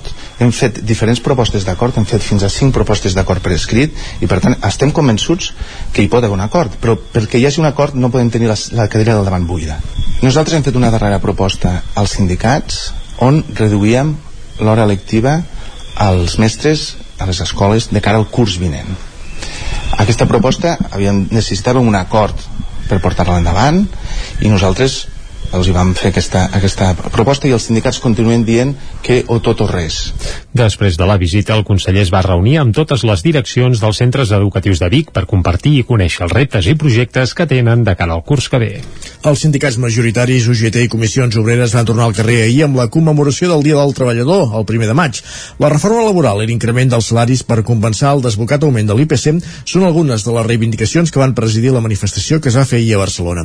A Osona, en canvi, els grans sindicats no es van mobilitzar a la comarca i només va haver-hi una concentració dissabte organitzada, organitzada volem dir, per la CGT. Ahir diumenge va tornar la commemoració del primer de maig després de dos anys d'un dia del treballador marcat per la pandèmia. A Osona, els dos grans sindicats, UGT i comissions, no van convocar cap acte ni mobilització, però van fer una crida als seus afiliats per assistir a la gran manifestació de diumenge al matí que es va fer a Barcelona. Les principals reivindicacions de cara a aquest 1 de maig eren clares, a pujar el salari mínim i demanar mesures que compensin el desmesurat augment de l'UPC de l'IPC, volem dir. Ho detalla Mari Mayan, Moyano, secretària general d'UGT a Osona. Posem de manifest que les treballadores i treballadors no han contribuït a aquesta pujada, ja que és la pujada dels preus empresarials. La forta pujada de l'energia, a la qual s'han d'afegir els efectes de la guerra d'Ucrània, agreugen de forma especial les llars amb menys ingressos i generant situacions de pobresa energètica, afectant sempre a la classe treballadora. Un altre cavall de batalla dels sindicats és evitar que la reforma laboral, que ja està embastada, vagi per mal camí i s'eternitzi el treball en precari. Ho apunta Jaume Corones, de Comissions Obreres, a Osona. Uh, hem de garantitzar també que el, el treball no sigui en precari, sinó que no perquè canviem el tipus de contracte, que sí que li dones una tranquil·litat a la persona treballadora, val? perquè no està amb aquella inseguretat, però, clar, eh, hem de garantitzar que el treball sigui eh, estable i no precari. L'única mobilització, mobilització que es va convocar a Osona en el marc de l'1 de maig va ser la de la CGT, que un any més va organitzar una concentració. Va ser dissabte a les 7 de la tarda a la Rambla Tarradellas del barri del Remei de Vic. Ripoll disposarà d'un nou aparcament darrere la zona del monestir per compensar la falta de places al centre de la vila. La veu de Sant Joan, Isaac Montades. Ripoll disposarà d'un nou aparcament públic que permetrà donar resposta a l'escassetat de places d'estacionament al centre de la vila. El darrer ple municipal va aprovar per unanimitat l'adquisició d'un bé immoble situat a l'Avinguda Comte Guifré número 2. L'alcalde de Junts per Ripoll, Jordi Monell, va explicar on estava situada la finca exactament i quins plans tenen de cara al futur. Això té a veure els terrenys que hi ha a darrere del monestir Santa Maria de Ripoll. Hi ha hagut una antiga fusteria Carreres i que una part d'aquests terrenys estan classificats en el Pla General com a habitatge, per tant això dona dret a l'Ajuntament de Ripoll en un futur poder construir habitatge social i l'altra part doncs, és un terreny doncs, d'accés doncs, amb uns garatges i d'aparcament. Momentàniament el destí seria fer aparcament públic de l'entorn del casc històric i del, i del conjunt monumental, per tant un aparcament doncs, d'interès doncs, turístic i comercial i doncs en el futur, com deia, una part d'aquests terrenys doncs, donen dret a construir. I... L'immoble té una superfície d'uns 1.266 metres quadrats i l'Ajuntament haurà de pagar 72.700 euros repartits en tres anualitats, 24.700 euros aquest any i 24.000 el 2023 i 2024 respectivament. El consistori també va aprovar un conveni d'expropiació de comú acord amb una propietària per adquirir un terreny a la zona esportiva de la Vallaneda. Jo, per exemple, d'on tinc coneixements, són els terrenys on hi ha el centre de tecnificació esportiva del Ripollès i la pista de bicicletes Pam Track, tots aquests terrenys que el Pla General qualifica com a zona urbana d'equipaments, que en aquest cas els teníem de lloguer. Finalment, doncs, la família propietària doncs, ha exercit el seu dret, que és de demanar, com que està classificat com a equipament, demanar la seva expropiació. L'Ajuntament pagarà 291.400 euros per fer efectiva l'expropiació. 128 alumnes de primària i secundària de l'Institut Escola Ramon Calvet de Castellterçol van assistir a una xerrada de tres dones que es dediquen a la indústria aeroespacial. Ona Codinenca, que era el campàs. L'acte es va dur a terme aquest divendres al Centre Espai Escènic en el marc del Dia Internacional de les Nenes a les TIC, que se celebrava el dia anterior, el 28 d'abril. Carla Conejo, Beatriz Iribarren i Fatomata Quevé per explicar quins granets de sorra aporten a la indústria aeronàutica. Conejo forma part d'un grup, d'un equip de nou dones que es preparen per dur a terme una missió anàloga del que seria un viatge a Mart, al planeta vermell. Iribarren treballa a l'Agència Espacial Europea investigant el suport vital que es dona als astronautes en desplaçaments de llarga distància com en viatges a la Lluna o a Mart. Finalment, Fatoumata Kebe, com a astrofísica que pròximament es convertirà en astronauta, va respondre tots els dubtes i inquietuds que tenien els alumnes sobre la seva feina. Tot plegat es va organitzar sota el paraigua de la Fundació Catalana per la Recerca i la Innovació, una entitat privada que va néixer per impulsar projectes col·laboratius público-privats i també per impulsar la ciència a través de la divulgació. Sentim Susaina Figuera, cap d'innovació de la Fundació Catalana per la Recerca la Innovació. Llavors, com que ahir va ser el Dia Internacional de les Nenes en les TIC, avui a Castellterçol hem fet una extensió d'aquest programa que és, un, és una prova, és un programa és una experiència pilot eh, per tant agraïm molt a l'Institut Escola Ramona Calvet que ens hagi donat l'oportunitat de testejar-ho i llavors el programa consistia en portar tres dones astronautes tres dones de la indústria aeroespacial no? per, diguem-ne, eh, explicar eh, quina és la missió, quin és l'estat de la ciència ara, no? per què està posada la mirada a Mart i una mica veure-ho des d'aquests punt, tres punts de vista complementaris, que seria... L'activitat es va fer com a extensió del programa 100 científiques que cada any en motiu del Dia de la Nena a la Ciència destina 100 dones científiques del món públic o privat a fer xerrades inspiracionals a 100 escoles públiques i concertades de Catalunya. Aquesta edició van ser gairebé 500 científiques que van anar a 500 escoles. I com ja vam explicar la setmana passada, divendres es commemorava el Dia Internacional de la Dansa i Cardedeu va celebrar amb el ball i música per totes les edats. Ràdio Televisió Cardedeu, Núria Lázaro. Dansa contemporània, creació col·lectiva, dansa irlandesa, claquer, swing i més van poder ballar els nens i nenes de 5 a 14 anys. Dins del Dia Internacional de la Dansa, Cardedeu va organitzar una sèrie de tallers i una mostra de ball per commemorar un any més el Dia Internacional de la Dansa. Al matí començava amb la matinal amb tallers de dansa a la Textil Rase on els nens i nenes van poder expressar-se amb el moviment. Gisbel Pituel i ballarí Marina. Vam pensar fer uns tallers, llavors hem estat fent tallers, hem fet tallers de, de ritme, hem fet claquer, body percussion, hem fet eh, uns tallers de dansa integrada amb els d'Alian La Troca, de Granollers, hem fet um, tallers de hip-hop i ara farà, estan fent, acabant de fer també un, un de dansa clàssica amb, el, amb l'escola de la Vanessa Fernández. Bueno, ens ho hem passat molt bé, hem jugat molt hem treballat molt i sobretot doncs, hem celebrat molt aquest dia de la dansa. Durant els actes de la tarda moltes de les entitats de Cardedeu es van pujar a l'escenari per mostrar i compartir els seus balls fent així una petita mostra de totes les danses que s'hi ballen a Cardedeu Territori 17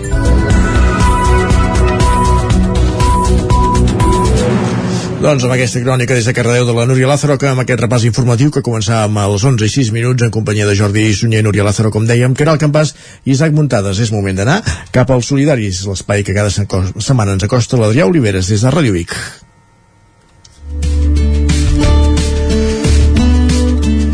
I avui, Adrià, per parlar del Banc del Temps. Bon dia. L'associació d'aquesta setmana penso que és completament diferent a les que havíem conegut fins a dia d'avui.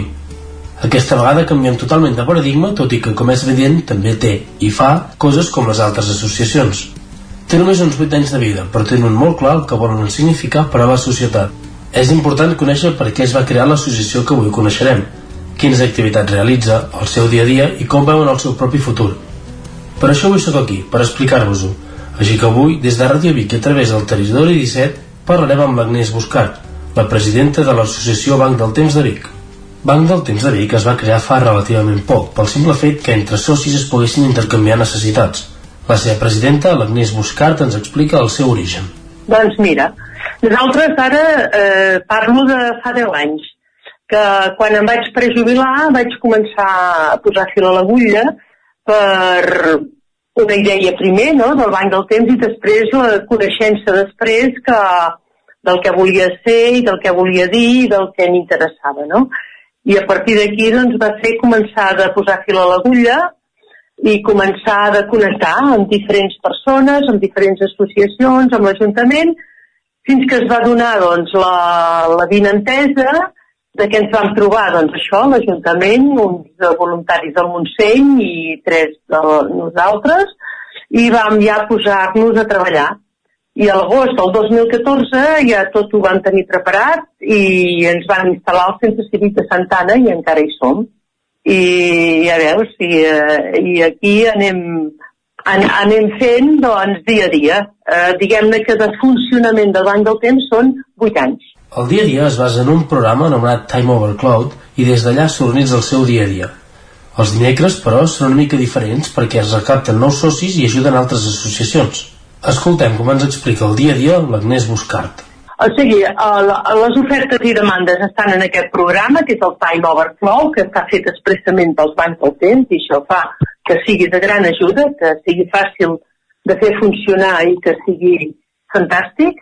I llavors, eh, el moviment que es genera, diguem-ne, genera dins d'aquest programa, no genera eh, presencialment.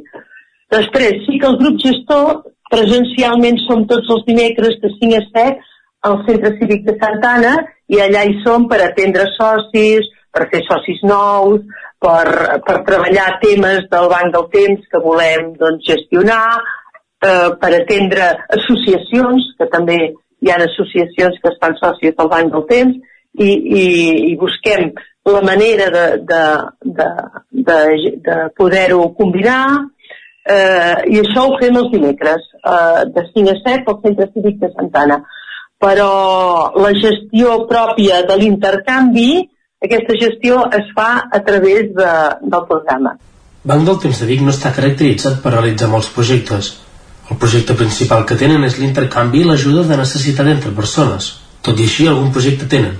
Aquests són els projectes segons l'Agnès. Bueno, la, la, la, clar, la nostra associació, el projecte bàsic és l'intercanvi i l'ajuda de necessitats entre persones. Aquest és el nostre, la nostra clau i el nostre fet bàsic, no? Llavors, el, el, els projectes que hem anat organitzant tenen a veure amb aquests grups que funcionen. Per exemple, hem organitzat converses d'anglès i converses de francès i aquests grups doncs, estan funcionant d'aquesta manera. Això seria una mica per on aniria la idea projecte. Eh? O, per exemple, el, el, la, el, els, tallers que fem, doncs, eh, vam fer un taller de meditació, ara fem un taller de centangle, i llavors, doncs, això seria... Els projectes anirien més redimensionats cap a grups i tallers activitats grupals, diguem-ne, eh? Seria més, perquè no, no és com hi ha associacions que fan un projecte, aquest any farem això. No, nosaltres anem fent eh, amb la idea aquesta de l'intercanvi, anem funcionant i anem fent. Per l'associació la pandèmia va ser molt complicada, però d'una manera o altra se'n van sortir. Escoltem a l'Agnès que ens explica l'època de l'associació en plena pandèmia. Bueno, doncs sí, clar, es va tancar tot i, i vam intentar fer alguna cosa a través de Zoom i, bueno, no va funcionar gaire, la veritat. Uh, un parell de tallers sí que van funcionar, però el major, algun altre més que es va intentar no va funcionar i això va estar bastant tranquil i bastant parat i sí que hi va haver algunes persones doncs, que van necessitar alguna cosa i es va fer allò que necessitaven i, però va, esclar, evidentment la cosa va quedar molt més, molt més parada L'associació del Temps Vic no es va donar a conèixer, però després de la pandèmia més persones s'han interessat pel que fan i el seu funcionament. Així doncs, sabrem des de l'opinió de l'Agnès Buscar si la gent està més conscienciada o no amb l'associació. La gent, la gent que, que tenim, diguem-ne, la, el, la consciència de, de fer funcionar el banc del temps és un aprenentatge. O sigui, això també és. O sigui, el banc del temps també és un aprenentatge i en aquest aprenentatge eh, d'autogestió que deia abans i de i d'organització i, de, i de persones actives, no?, amb idea i, i que no esperen que els hi diguis què, sinó que ells aporten la iniciativa, eh, eh, aquí és la, la clau, diguem-ne. I aquí és l'aprenentatge que representa estar dins del banc del temps. Dins del banc del temps representa fer això. I llavors, doncs, Eh, evidentment, fent això és una manera de prendre'n consciència. Uh, és així, sí. I jo diria que el que ens estem trobant ara és que la gent aquesta que ens ve ara, que és més jove i més i, i que sembla quan té més, tindria a veure amb que amb aquest temps eh, hem après ja més que, que això de que ja m'ho faran no funciona. Si vols millorar la teva associació o fundació has de saber què hi falta per més endavant poder-ho incorporar. L'Agnès diu que els queda molt per aprendre. Doncs a la nostra associació jo diria que el que ens hi falta eh, és anar aprenent a, a, a moure'ns, anar aprenent que vivim en un món on l'autosuficiència és imprescindible i que és possible viure millor sense necessitar euros. O sigui, eh, allà a Sud-amèrica, que tenen unes jubilacions molt baixes, s'estan plantejant de resoldre el 70% de la vida del dia a dia amb ajuda a través del banc del temps. O sigui que allà tenen un objectiu molt elevat. Sí, sí, sí. Nosaltres això no ho hem parlat, anem fent del dia a dia, però sí que eh, no t'ho he dit, però sí que les xarxes les fem servir en aquest sentit, en el sentit de que ens estem connectant amb, amb bancs del temps de, de tot el món. I això ens dona doncs, informacions i ens donen eh, idees que, que ens van molt bé. I per acabar, volem saber cap on va el temps de Vic i quins seran els següents passos. Així doncs, el futur de l'associació està assegurat, i això ens en diu la seva presidenta, nosaltres, al, al banc del temps, ja som futur, perquè és un nou paradigma i estem eh, explicant i estem eh, experimentant una nova manera de funcionar.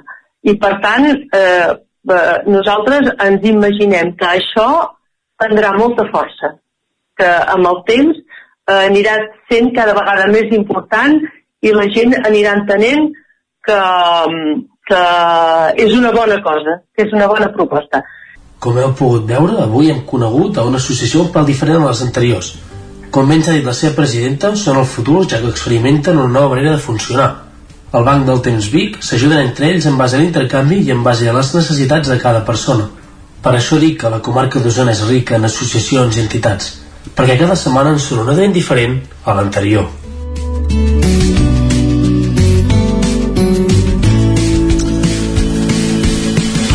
Doncs gràcies, Adrià, per acostar-nos a aquesta realitat d'aquesta comarca rica en entitats socials. Avui hem descobert, hem conegut el Banc del Temps.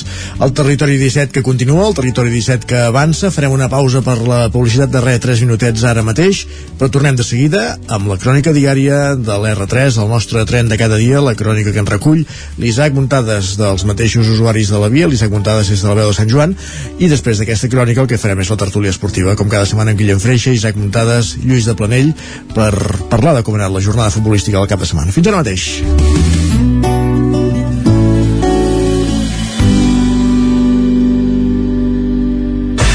El nou FM, la ràdio de casa, al 92.8. A la Clínica Dental Sant Fortià hi trobareu un equip professional que treballa de manera coordinada per oferir un tracte sensible i humà. Estem preparats per qualsevol urgència dental i oferim accions preventives per la tercera edat i els infants. El doctor Ramon Garcia, implantòleg de Barcelona, fa 10 anys que visita Torelló. Clínica Dental Sant Fortià. Ens trobareu a la plaça Sant Fortià número 9 de Torelló al 93 859 6408 i al 690 92 51 99. Cobertes serveis funeraris. Els nostres tanatoris estan ubicats en els nuclis urbans més poblats de la comarca d'Osona per oferir un millor servei. Tanatori de Vic, Tanatori de Manlleu, Tanatori de Centelles i Tanatori de Roda de Ter. Sabem que són moments difícils i per això el nostre compromís és atendre-us en tot moment amb un tracte humà, sensible i respectuós. Cobertes serveis funeraris. Telèfon 24 hores 93 883 23 46. El racó de León ja és primavera. Gaudeix de la nostra terrassa. Vine a tastar les xuletilles de lechal a la brasa amb una bona amanida o el xuletón de vedella gallega. No et pots perdre el nostre lechado de Castilla al forn o el cochinillo a l'estil de Segovia. Tot acompanyat del millor celler, al menjador o fora la terrassa. Descobreix la millor cuina de Lleó sense moure't de casa. Vine amb la família, els amics, la parella o sol. T'encantarà. El racó de León, cuina tradicional lleonesa i de mercat. Som al carrer Torelló número 35 de Vic. Per reserves, telèfon 93 889 1950. El racó de León, una cuina diferent.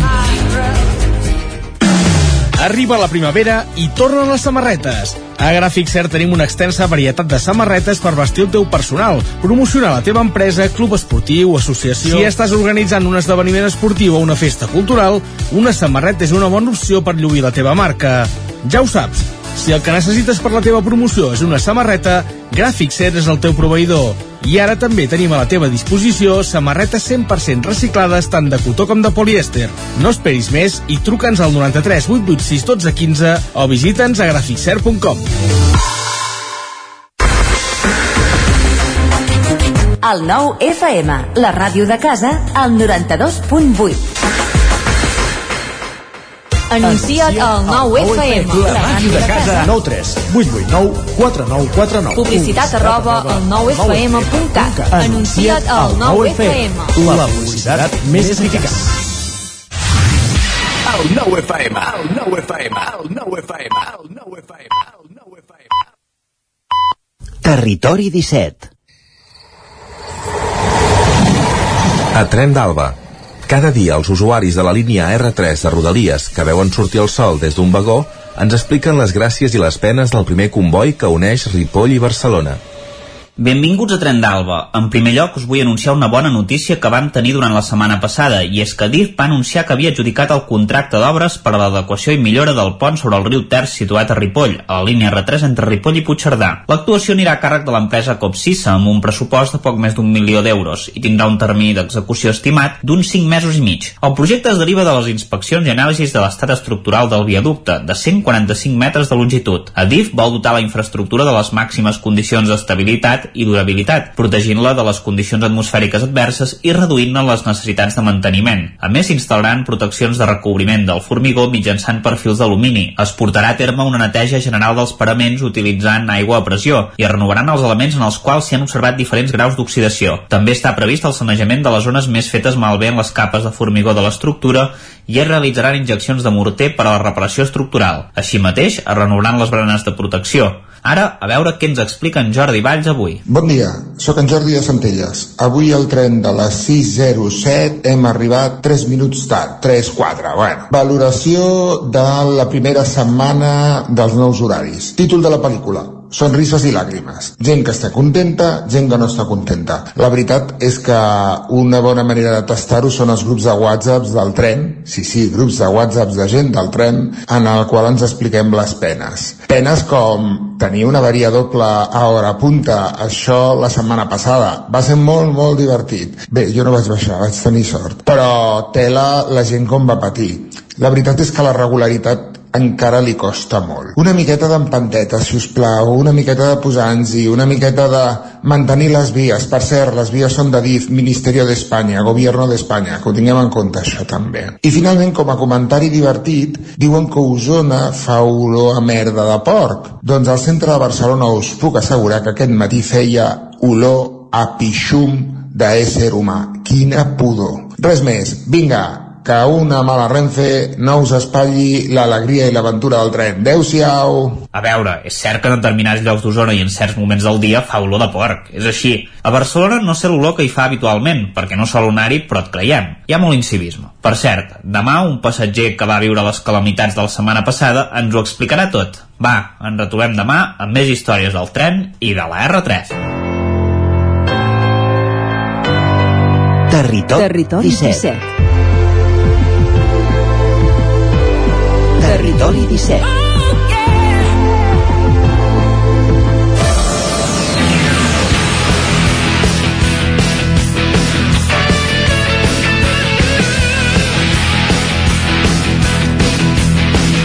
Tres minuts que passen de dos quarts de dotze, recte final del territori 17 dels dilluns, com sempre amb la tertúlia esportiva per analitzar com ha anat la jornada futbolística del cap de setmana en companyia de Guillem Freixa, Guillem Sánchez, Isaac Montades, bon dia a tots tres. Bon dia. Bon dia, bon dia. Uh, cap de setmana marcat perquè ja ara ja sí, matemàticament el Madrid és campió de Lliga. Bien. Ja està. Home. Aquesta, aquesta, aquesta val a dir que el Pitonisso Montades l'havia endevinat, eh? Bueno, és que clar, Sí. vull dir, el mes de novembre ja ho dèiem, eh, que el Madrid seria campió de Lliga, no, jo crec que pff, Oh. poc celebrada, no. Jo ara que tinc un micròfon Poc aquí- celebrada! Sí. Poc celebrada és la Lliga, ostres. Jo- No, no vas veure pas les imatges de, de Cibeles, no, eh? la veritat és que No, no, no, ja alguna- m'imagino que no. no, això És, volia és més interessant a veure el Carràs, ja t'ho dic. Sí.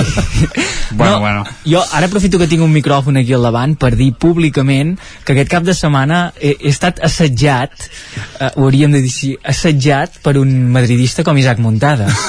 Mentida! Oh! No, no, perquè Oh! diu, diu, no has vist cap imatge? No, no és que no hagi vist cap imatge, és que me les han, me les han ficat davant dels ulls. Vull dir, ha sigut un constant de, de, de fer-me... eh, obligat. Sí, exacte. he estat- Mentida! Ja li he enviat dos fotos. No, sí. Dos fotos! I això és un assetjament, eh?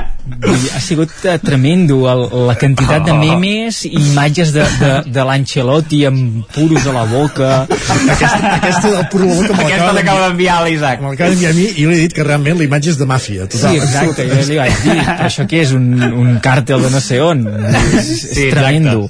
No, uh, mm, bueno, uh, sí, hem de felicitar, no?, el Madrid. Uh, S'ha de fer, s'ha de fer, s'ha de fer. De ser cavallerós S'ha i... s'ha de felicitar els treballadors perquè ahir era el dia del treballador. El Sí. Madrid el consideres un treballador també. No, però no van jugar el dissabte. No, van, no, devien, Exacte, pas, sí. no devien pas treballar gaire, doncs. No, no, no, el van fer festa, que és el dia del treballador es fa festa aquí una de les controvèrsies de, de la vida, però sí, realment bueno, ha estat bé, ha estat un cap de setmana rodó pel Madrid, ara falta rematar-ho doncs a, a la Champions, no? Que suposo que l'equip va, va fer moltes rotacions pensant en això, precisament. Uh, no, va haver jugadors que, que en tota la temporada no han jugat ni, ni un sol partit, com aquest qui diu, i, i van haver de, de jugar aquest partit que era un partit que feia il·lusió evidentment perquè si el guanyaves, guanyaves la Lliga i, i, i, vam veure jugadors doncs, bueno, que no estàvem acostumats i, Que no sabíem i el que Madrid jugaven al Real Madrid aquesta temporada. Sí, jo, jo Vallejo no sabia que jugava al Real Madrid quasi bé, perquè clar, em sembla que va ser el primer partit que va jugar aquesta temporada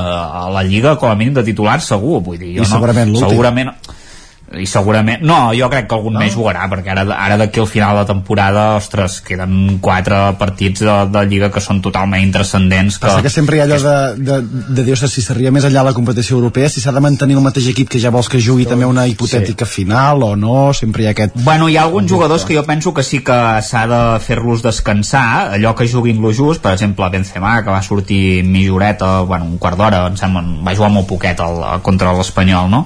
Per, per estar rodats, o, o Toni Kroos, no? En, en aquest cas, també que va sortir molt poca estoneta, però, però sí que, ostres, jo també sóc partidari de que ara s'ha de descansar, que el Madrid físicament està bé i, i que ho demostrarà contra, contra el City i, i, i arribarà bé que és, l'important és mantenir l'eliminatòria viva i, i que al minut 70-80 el Madrid la, la tingui capgirada no? com aquell qui diu però que, que no arribi allò morta que, que és el que tots esperem que de fet el partit d'anada ja va ser així eh? que tothom ens donava per morts i, Bueno. i el Madrid no el pots matar mai perquè el, el Madrid és immortal No, immortal no. té, té molta Sí, sort al Madrid. Bueno, esperem que no, No, no. esperem que no xiuli González Fuertes uh. al partit de tornada de la...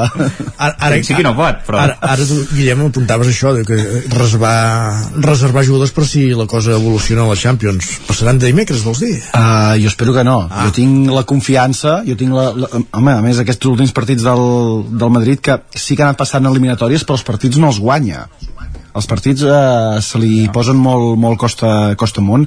I ostres, jo també tinc confiança en un, en un City que aquest cap de setmana em sembla que va fer descansar De Bruyne també Uh, per tant s'ha de, de confiar s'ha de confiar en aquest City s'ha de confiar en, en, en Guardiola i de fet ja uh, se m'acudeixen poques coses més que poden passar perquè el Madrid quedi salvat amb una eliminatòria com han passat aquestes, aquestes dues últimes Sí, a mi a mi m'agradaria estar en la línia de, de, de Guillem Sánchez però, però el, soc l'altra part de la balança perquè uh, jo aquesta història ja l'he vist no? un, un Madrid que uh, no direm eh, que no ha fet una bona temporada o que no és un bon equip perquè és obvi que si guanyes una lliga O que no- espanyola encara que no hagis tingut eh, rivals diguem però que no et sembli d'en- d'entrada que sigui millor que els rivals contra els que juga i sempre els acaba guanyant Sí, Això és... o eh, podríem repassar Champions, que el Madrid ha guanyat sense fer una temporada eh, excel·lent, no? Com, com sol passar en molts equips. Eh, Quan comences a repassar eh, equips que han acabat campions de Champions, són equips realment que han excel·lit molt el, el joc. En la majoria de casos són equips que han excel·lit molt, molt el joc. Això també li passava eh, al Milan de,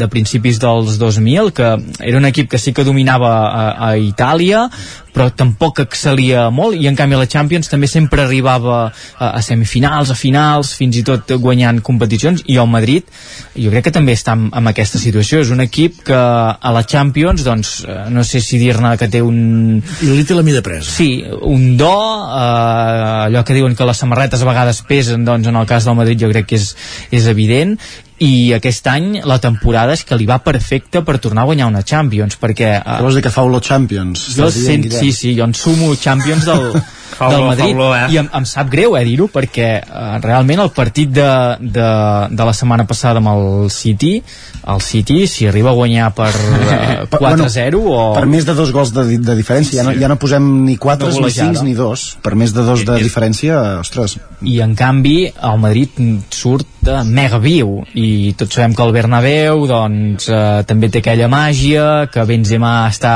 eh, un estat de gràcia. un estat de gràcia però brutal recordo que la màgia del Bernabéu el Chelsea hi va guanyar 3-1 fa 15 3 Sí, setmanes però Per, l'últim perquè moment... la màgia l'havien fet abans ja, sí. al seu camp. No, i que a l'últim moment doncs, apareix també Benzema i et soluciona el- l'embolic en què t'havies eh, ficat. Això, Correcte, un altre sí. equip es troba en aquesta situació, s'enfonsa i acaba eliminat i, i fora de la competició i en canvi el, el Madrid no sap portar aquestes, aquestes situacions. I això la temporada jo crec que que els hi va molt de cara per, per fer-ho, perquè han aconseguit la, la Lliga, com dèiem, no? aquest cap de setmana hi van haver moltes rotacions, segurament que tot l'estaf tècnic d'Ancelotti ja fa alguns dies que està eh, més pendent d'això que no pas de... de la Champions que no pas de, del partit de Lliga contra l'Espanyol.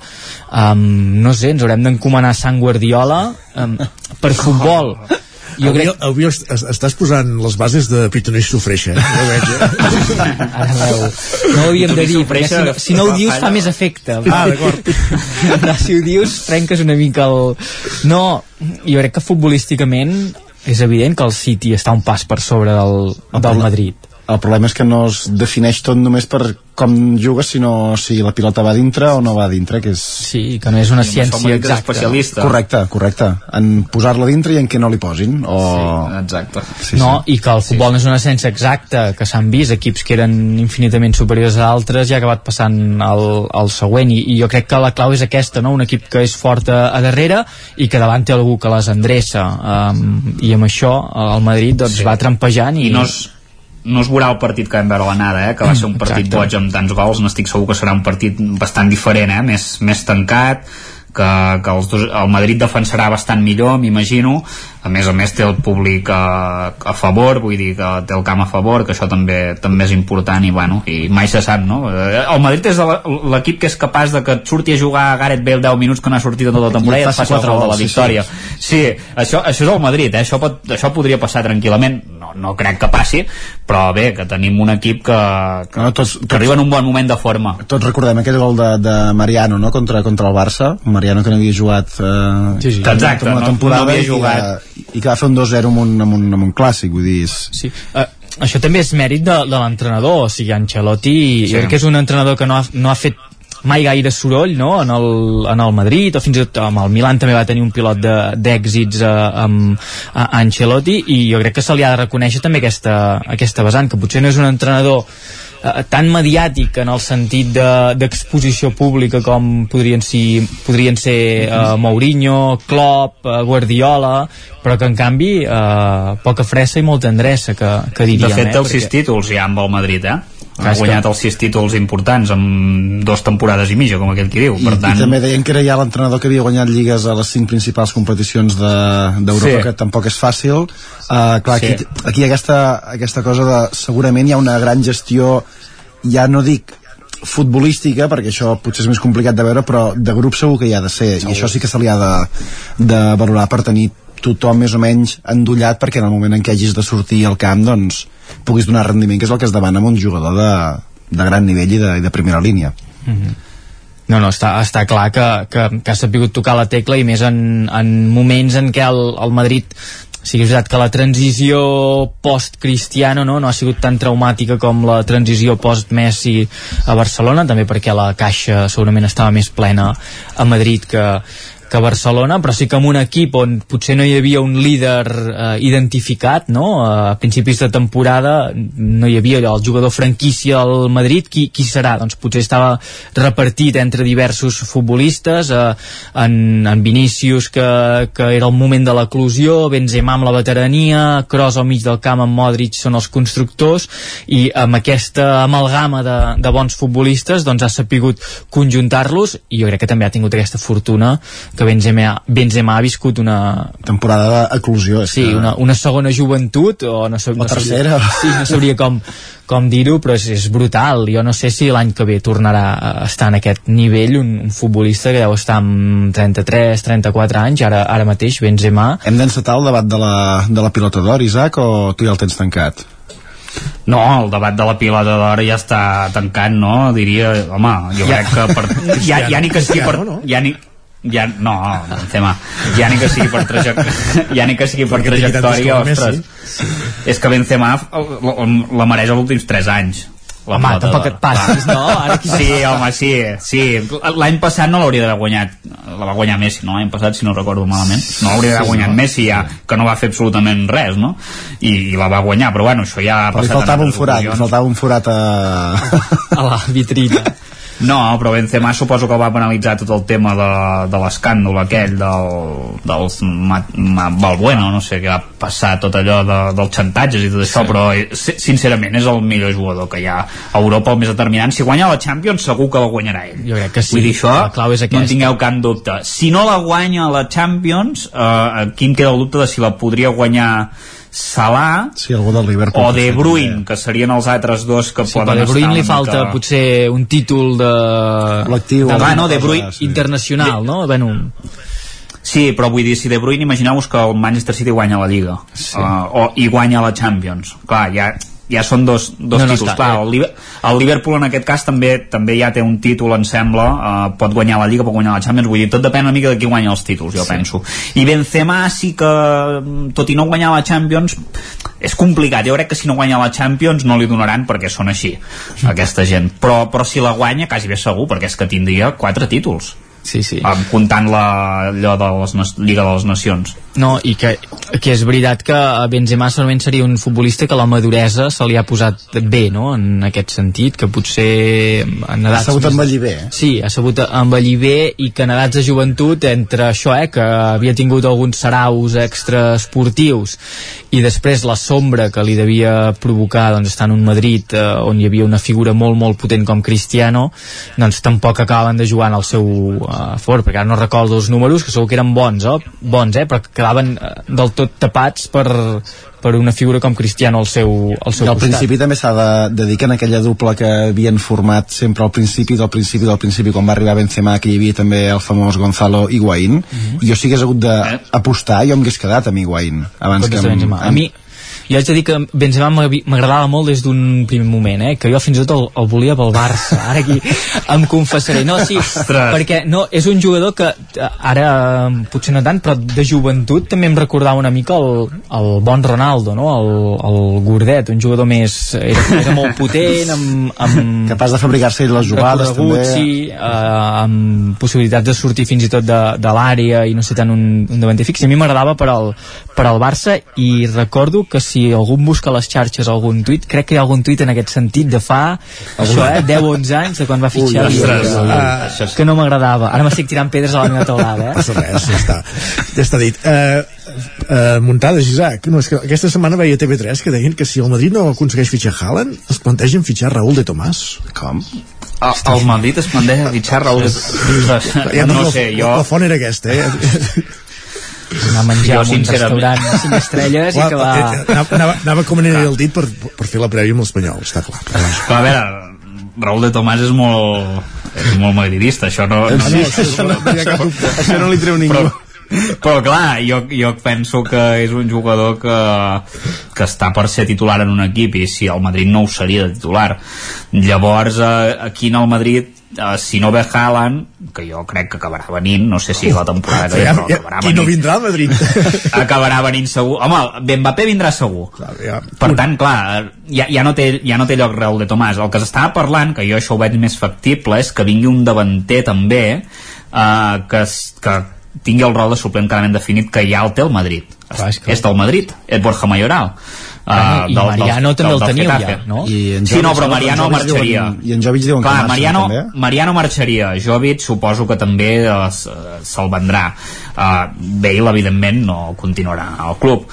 Hazard, uh, tinc dubtes, però jo crec que tampoc seguirà. encara juga Clar, vull dir, és que aquí hi ha, hi ha diversos davanters que el Madrid no, no, no seguiran, llavors han d'arribar jugadors. Clar, esteu dient, és que vindrà tothom al Madrid, sí, però és que clar, és que marxaran Ba- Bale, possiblement Hazard, que són dos dels jugadors que tenen la fitxa més alta, clar, vindran Mbappé, pot venir Mbappé, pot venir, pot venir Haaland, mm, jo crec que amb, amb aquests dos amb, amb Benzema amb, amb Vinícius i, i Rodrigo jo penso que la davantera està més que coberta i com a molt ficar-hi doncs aquest sisè davanter de, Borja Mayoral per partits així doncs més de copa o, o més de, de Mm. partits de les escombraries no? és un jugador que ja vindria a fer aquest rol i que també ja té una edat sí. vull dir, no és un, no és un jovencet Costa, eh, trobar aquest perfil amb aquests equips de...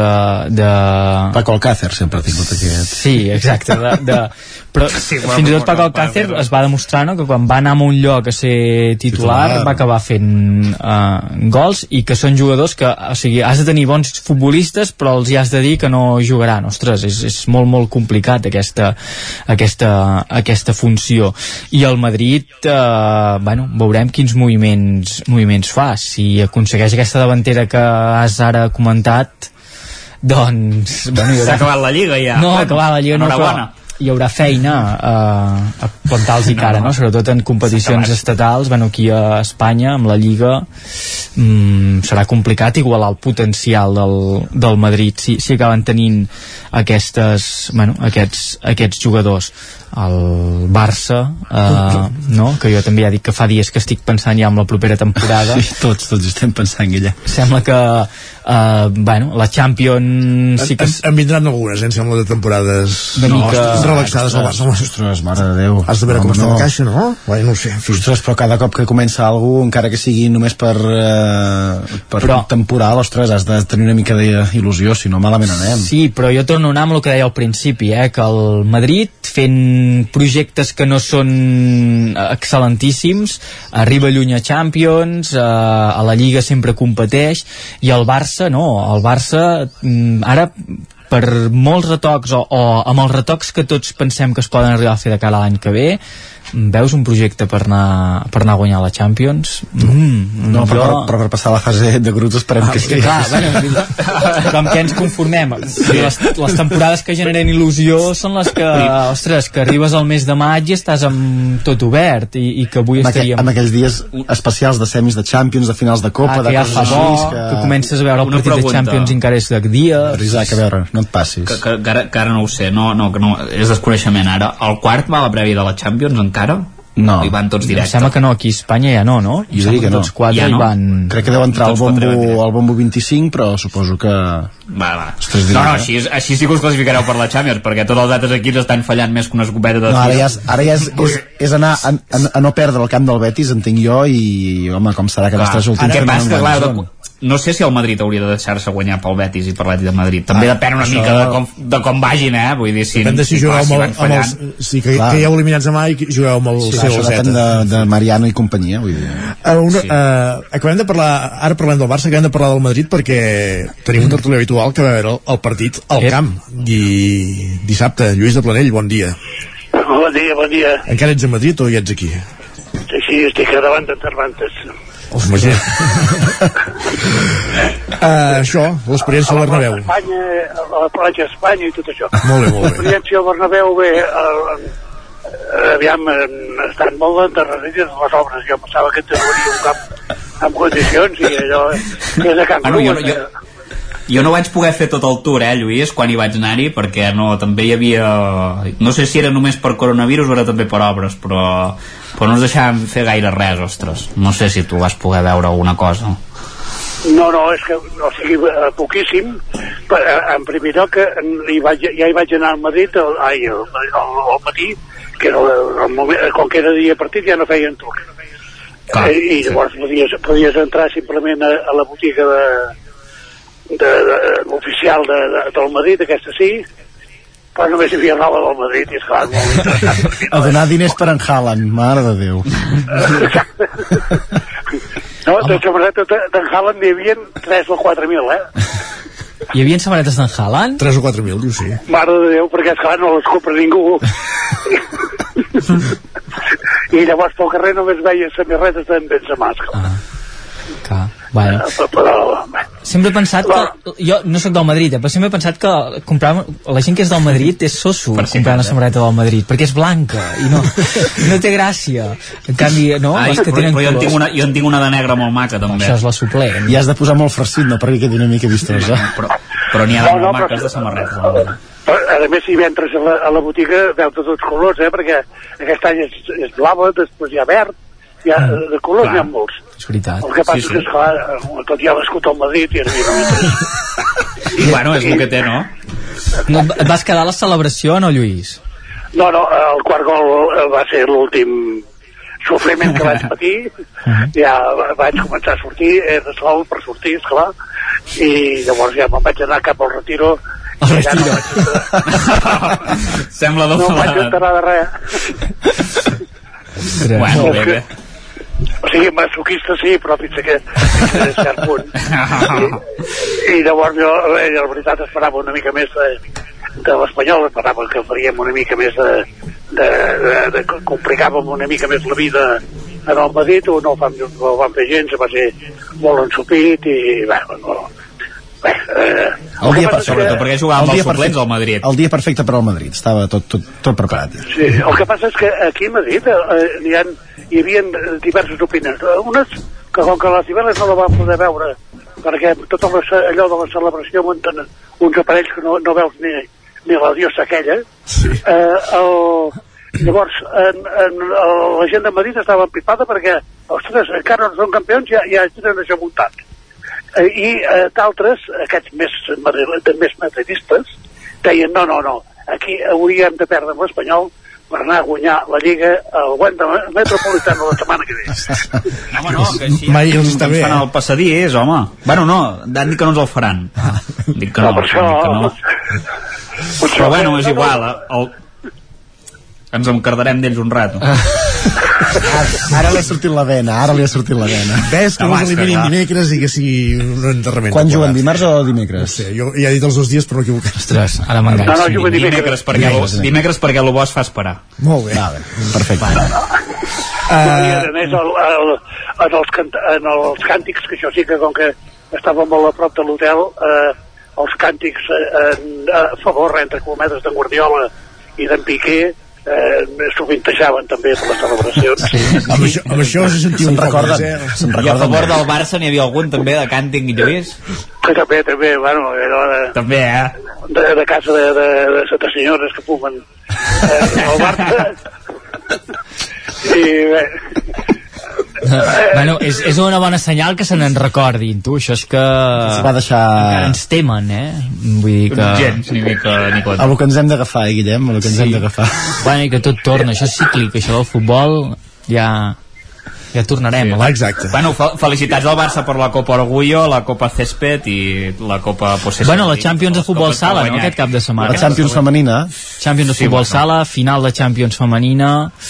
Bueno, I, bueno, victòria amb el Mallorca, que ja, si més no, encara defensem la segona el plaça, tot, no? el tot poderós Mallorca. Jo em vaig a dormir, eh, de reconèixer ahir en el, en el partit. Crec que em vaig llevar... Eh, que li van anul·lar un gol al Barça? Sí. Doncs jo em vaig eh, despertar quan, quan No. li anul·laven el gol. la, noti la cosa positiva és que torna, ha tornat en sofat i si ara el tram final doncs, pot agafar una mica de, de rodatge, fer una bona pretemporada i tenir-lo ja a punt per, per al curs que ve I que descansi una mica en Ferran també, que Sí. està molt cansat. i, i això, eh, descansar els futbolistes que han tingut més minuts i lligar renovacions, no? la de Gavi que està sobre la taula, s'ha fet Araujo bueno, anar confeccionant aquesta plantilla de l'any que ve per fer un projecte eh, per competir des de l'inici eh, si, si pot ser, seria la clau En parlarem, parlant. perdó, Ràpid, perdó, Lluís. Només, només, sí, sí, eh, només us recordo que el Barça eh, parlava de fa dos dies encara, encara podem guanyar la Lliga. Dèiem, sí, sí. Per números Eh, records de S'ha Cervantes, girat eh? molt la truita, sí. perquè sí, hi ha, hi ha hagut unes ensopegades però vull dir, era complicat però ens havíem de ferrar alguna cosa Lluís de Planell, Isaac Muntades, Guillem Freixa i Guillem Sánchez, gràcies, bon dia. vagi adeu, bon dia Adéu, 35 dies. Acabem el territori 17. Eh, us hem acompanyat des de les 9 del matí Pepa Costa, Núria Lázaro, Caral Campàs, Guillem Sánchez, Òscar Muñoz, Miquel R, Esther Rovira, Adrià Oliveres, Isaac Muntades, Lluís de Planell, Guillem Freixa, Jordi Sunyer i Isaac Moreno. I tornem demà a partir de les 9 del matí, com cada dia, aquí a casa vostra. Fins aleshores, bon dilluns i gràcies per ser-hi. Adéu-siau. Territori 17, un magazín del nou FM. La veu de Sant Joan Ona Codinenca i Ràdio Cardedeu amb el suport de la xarxa. el nou FM.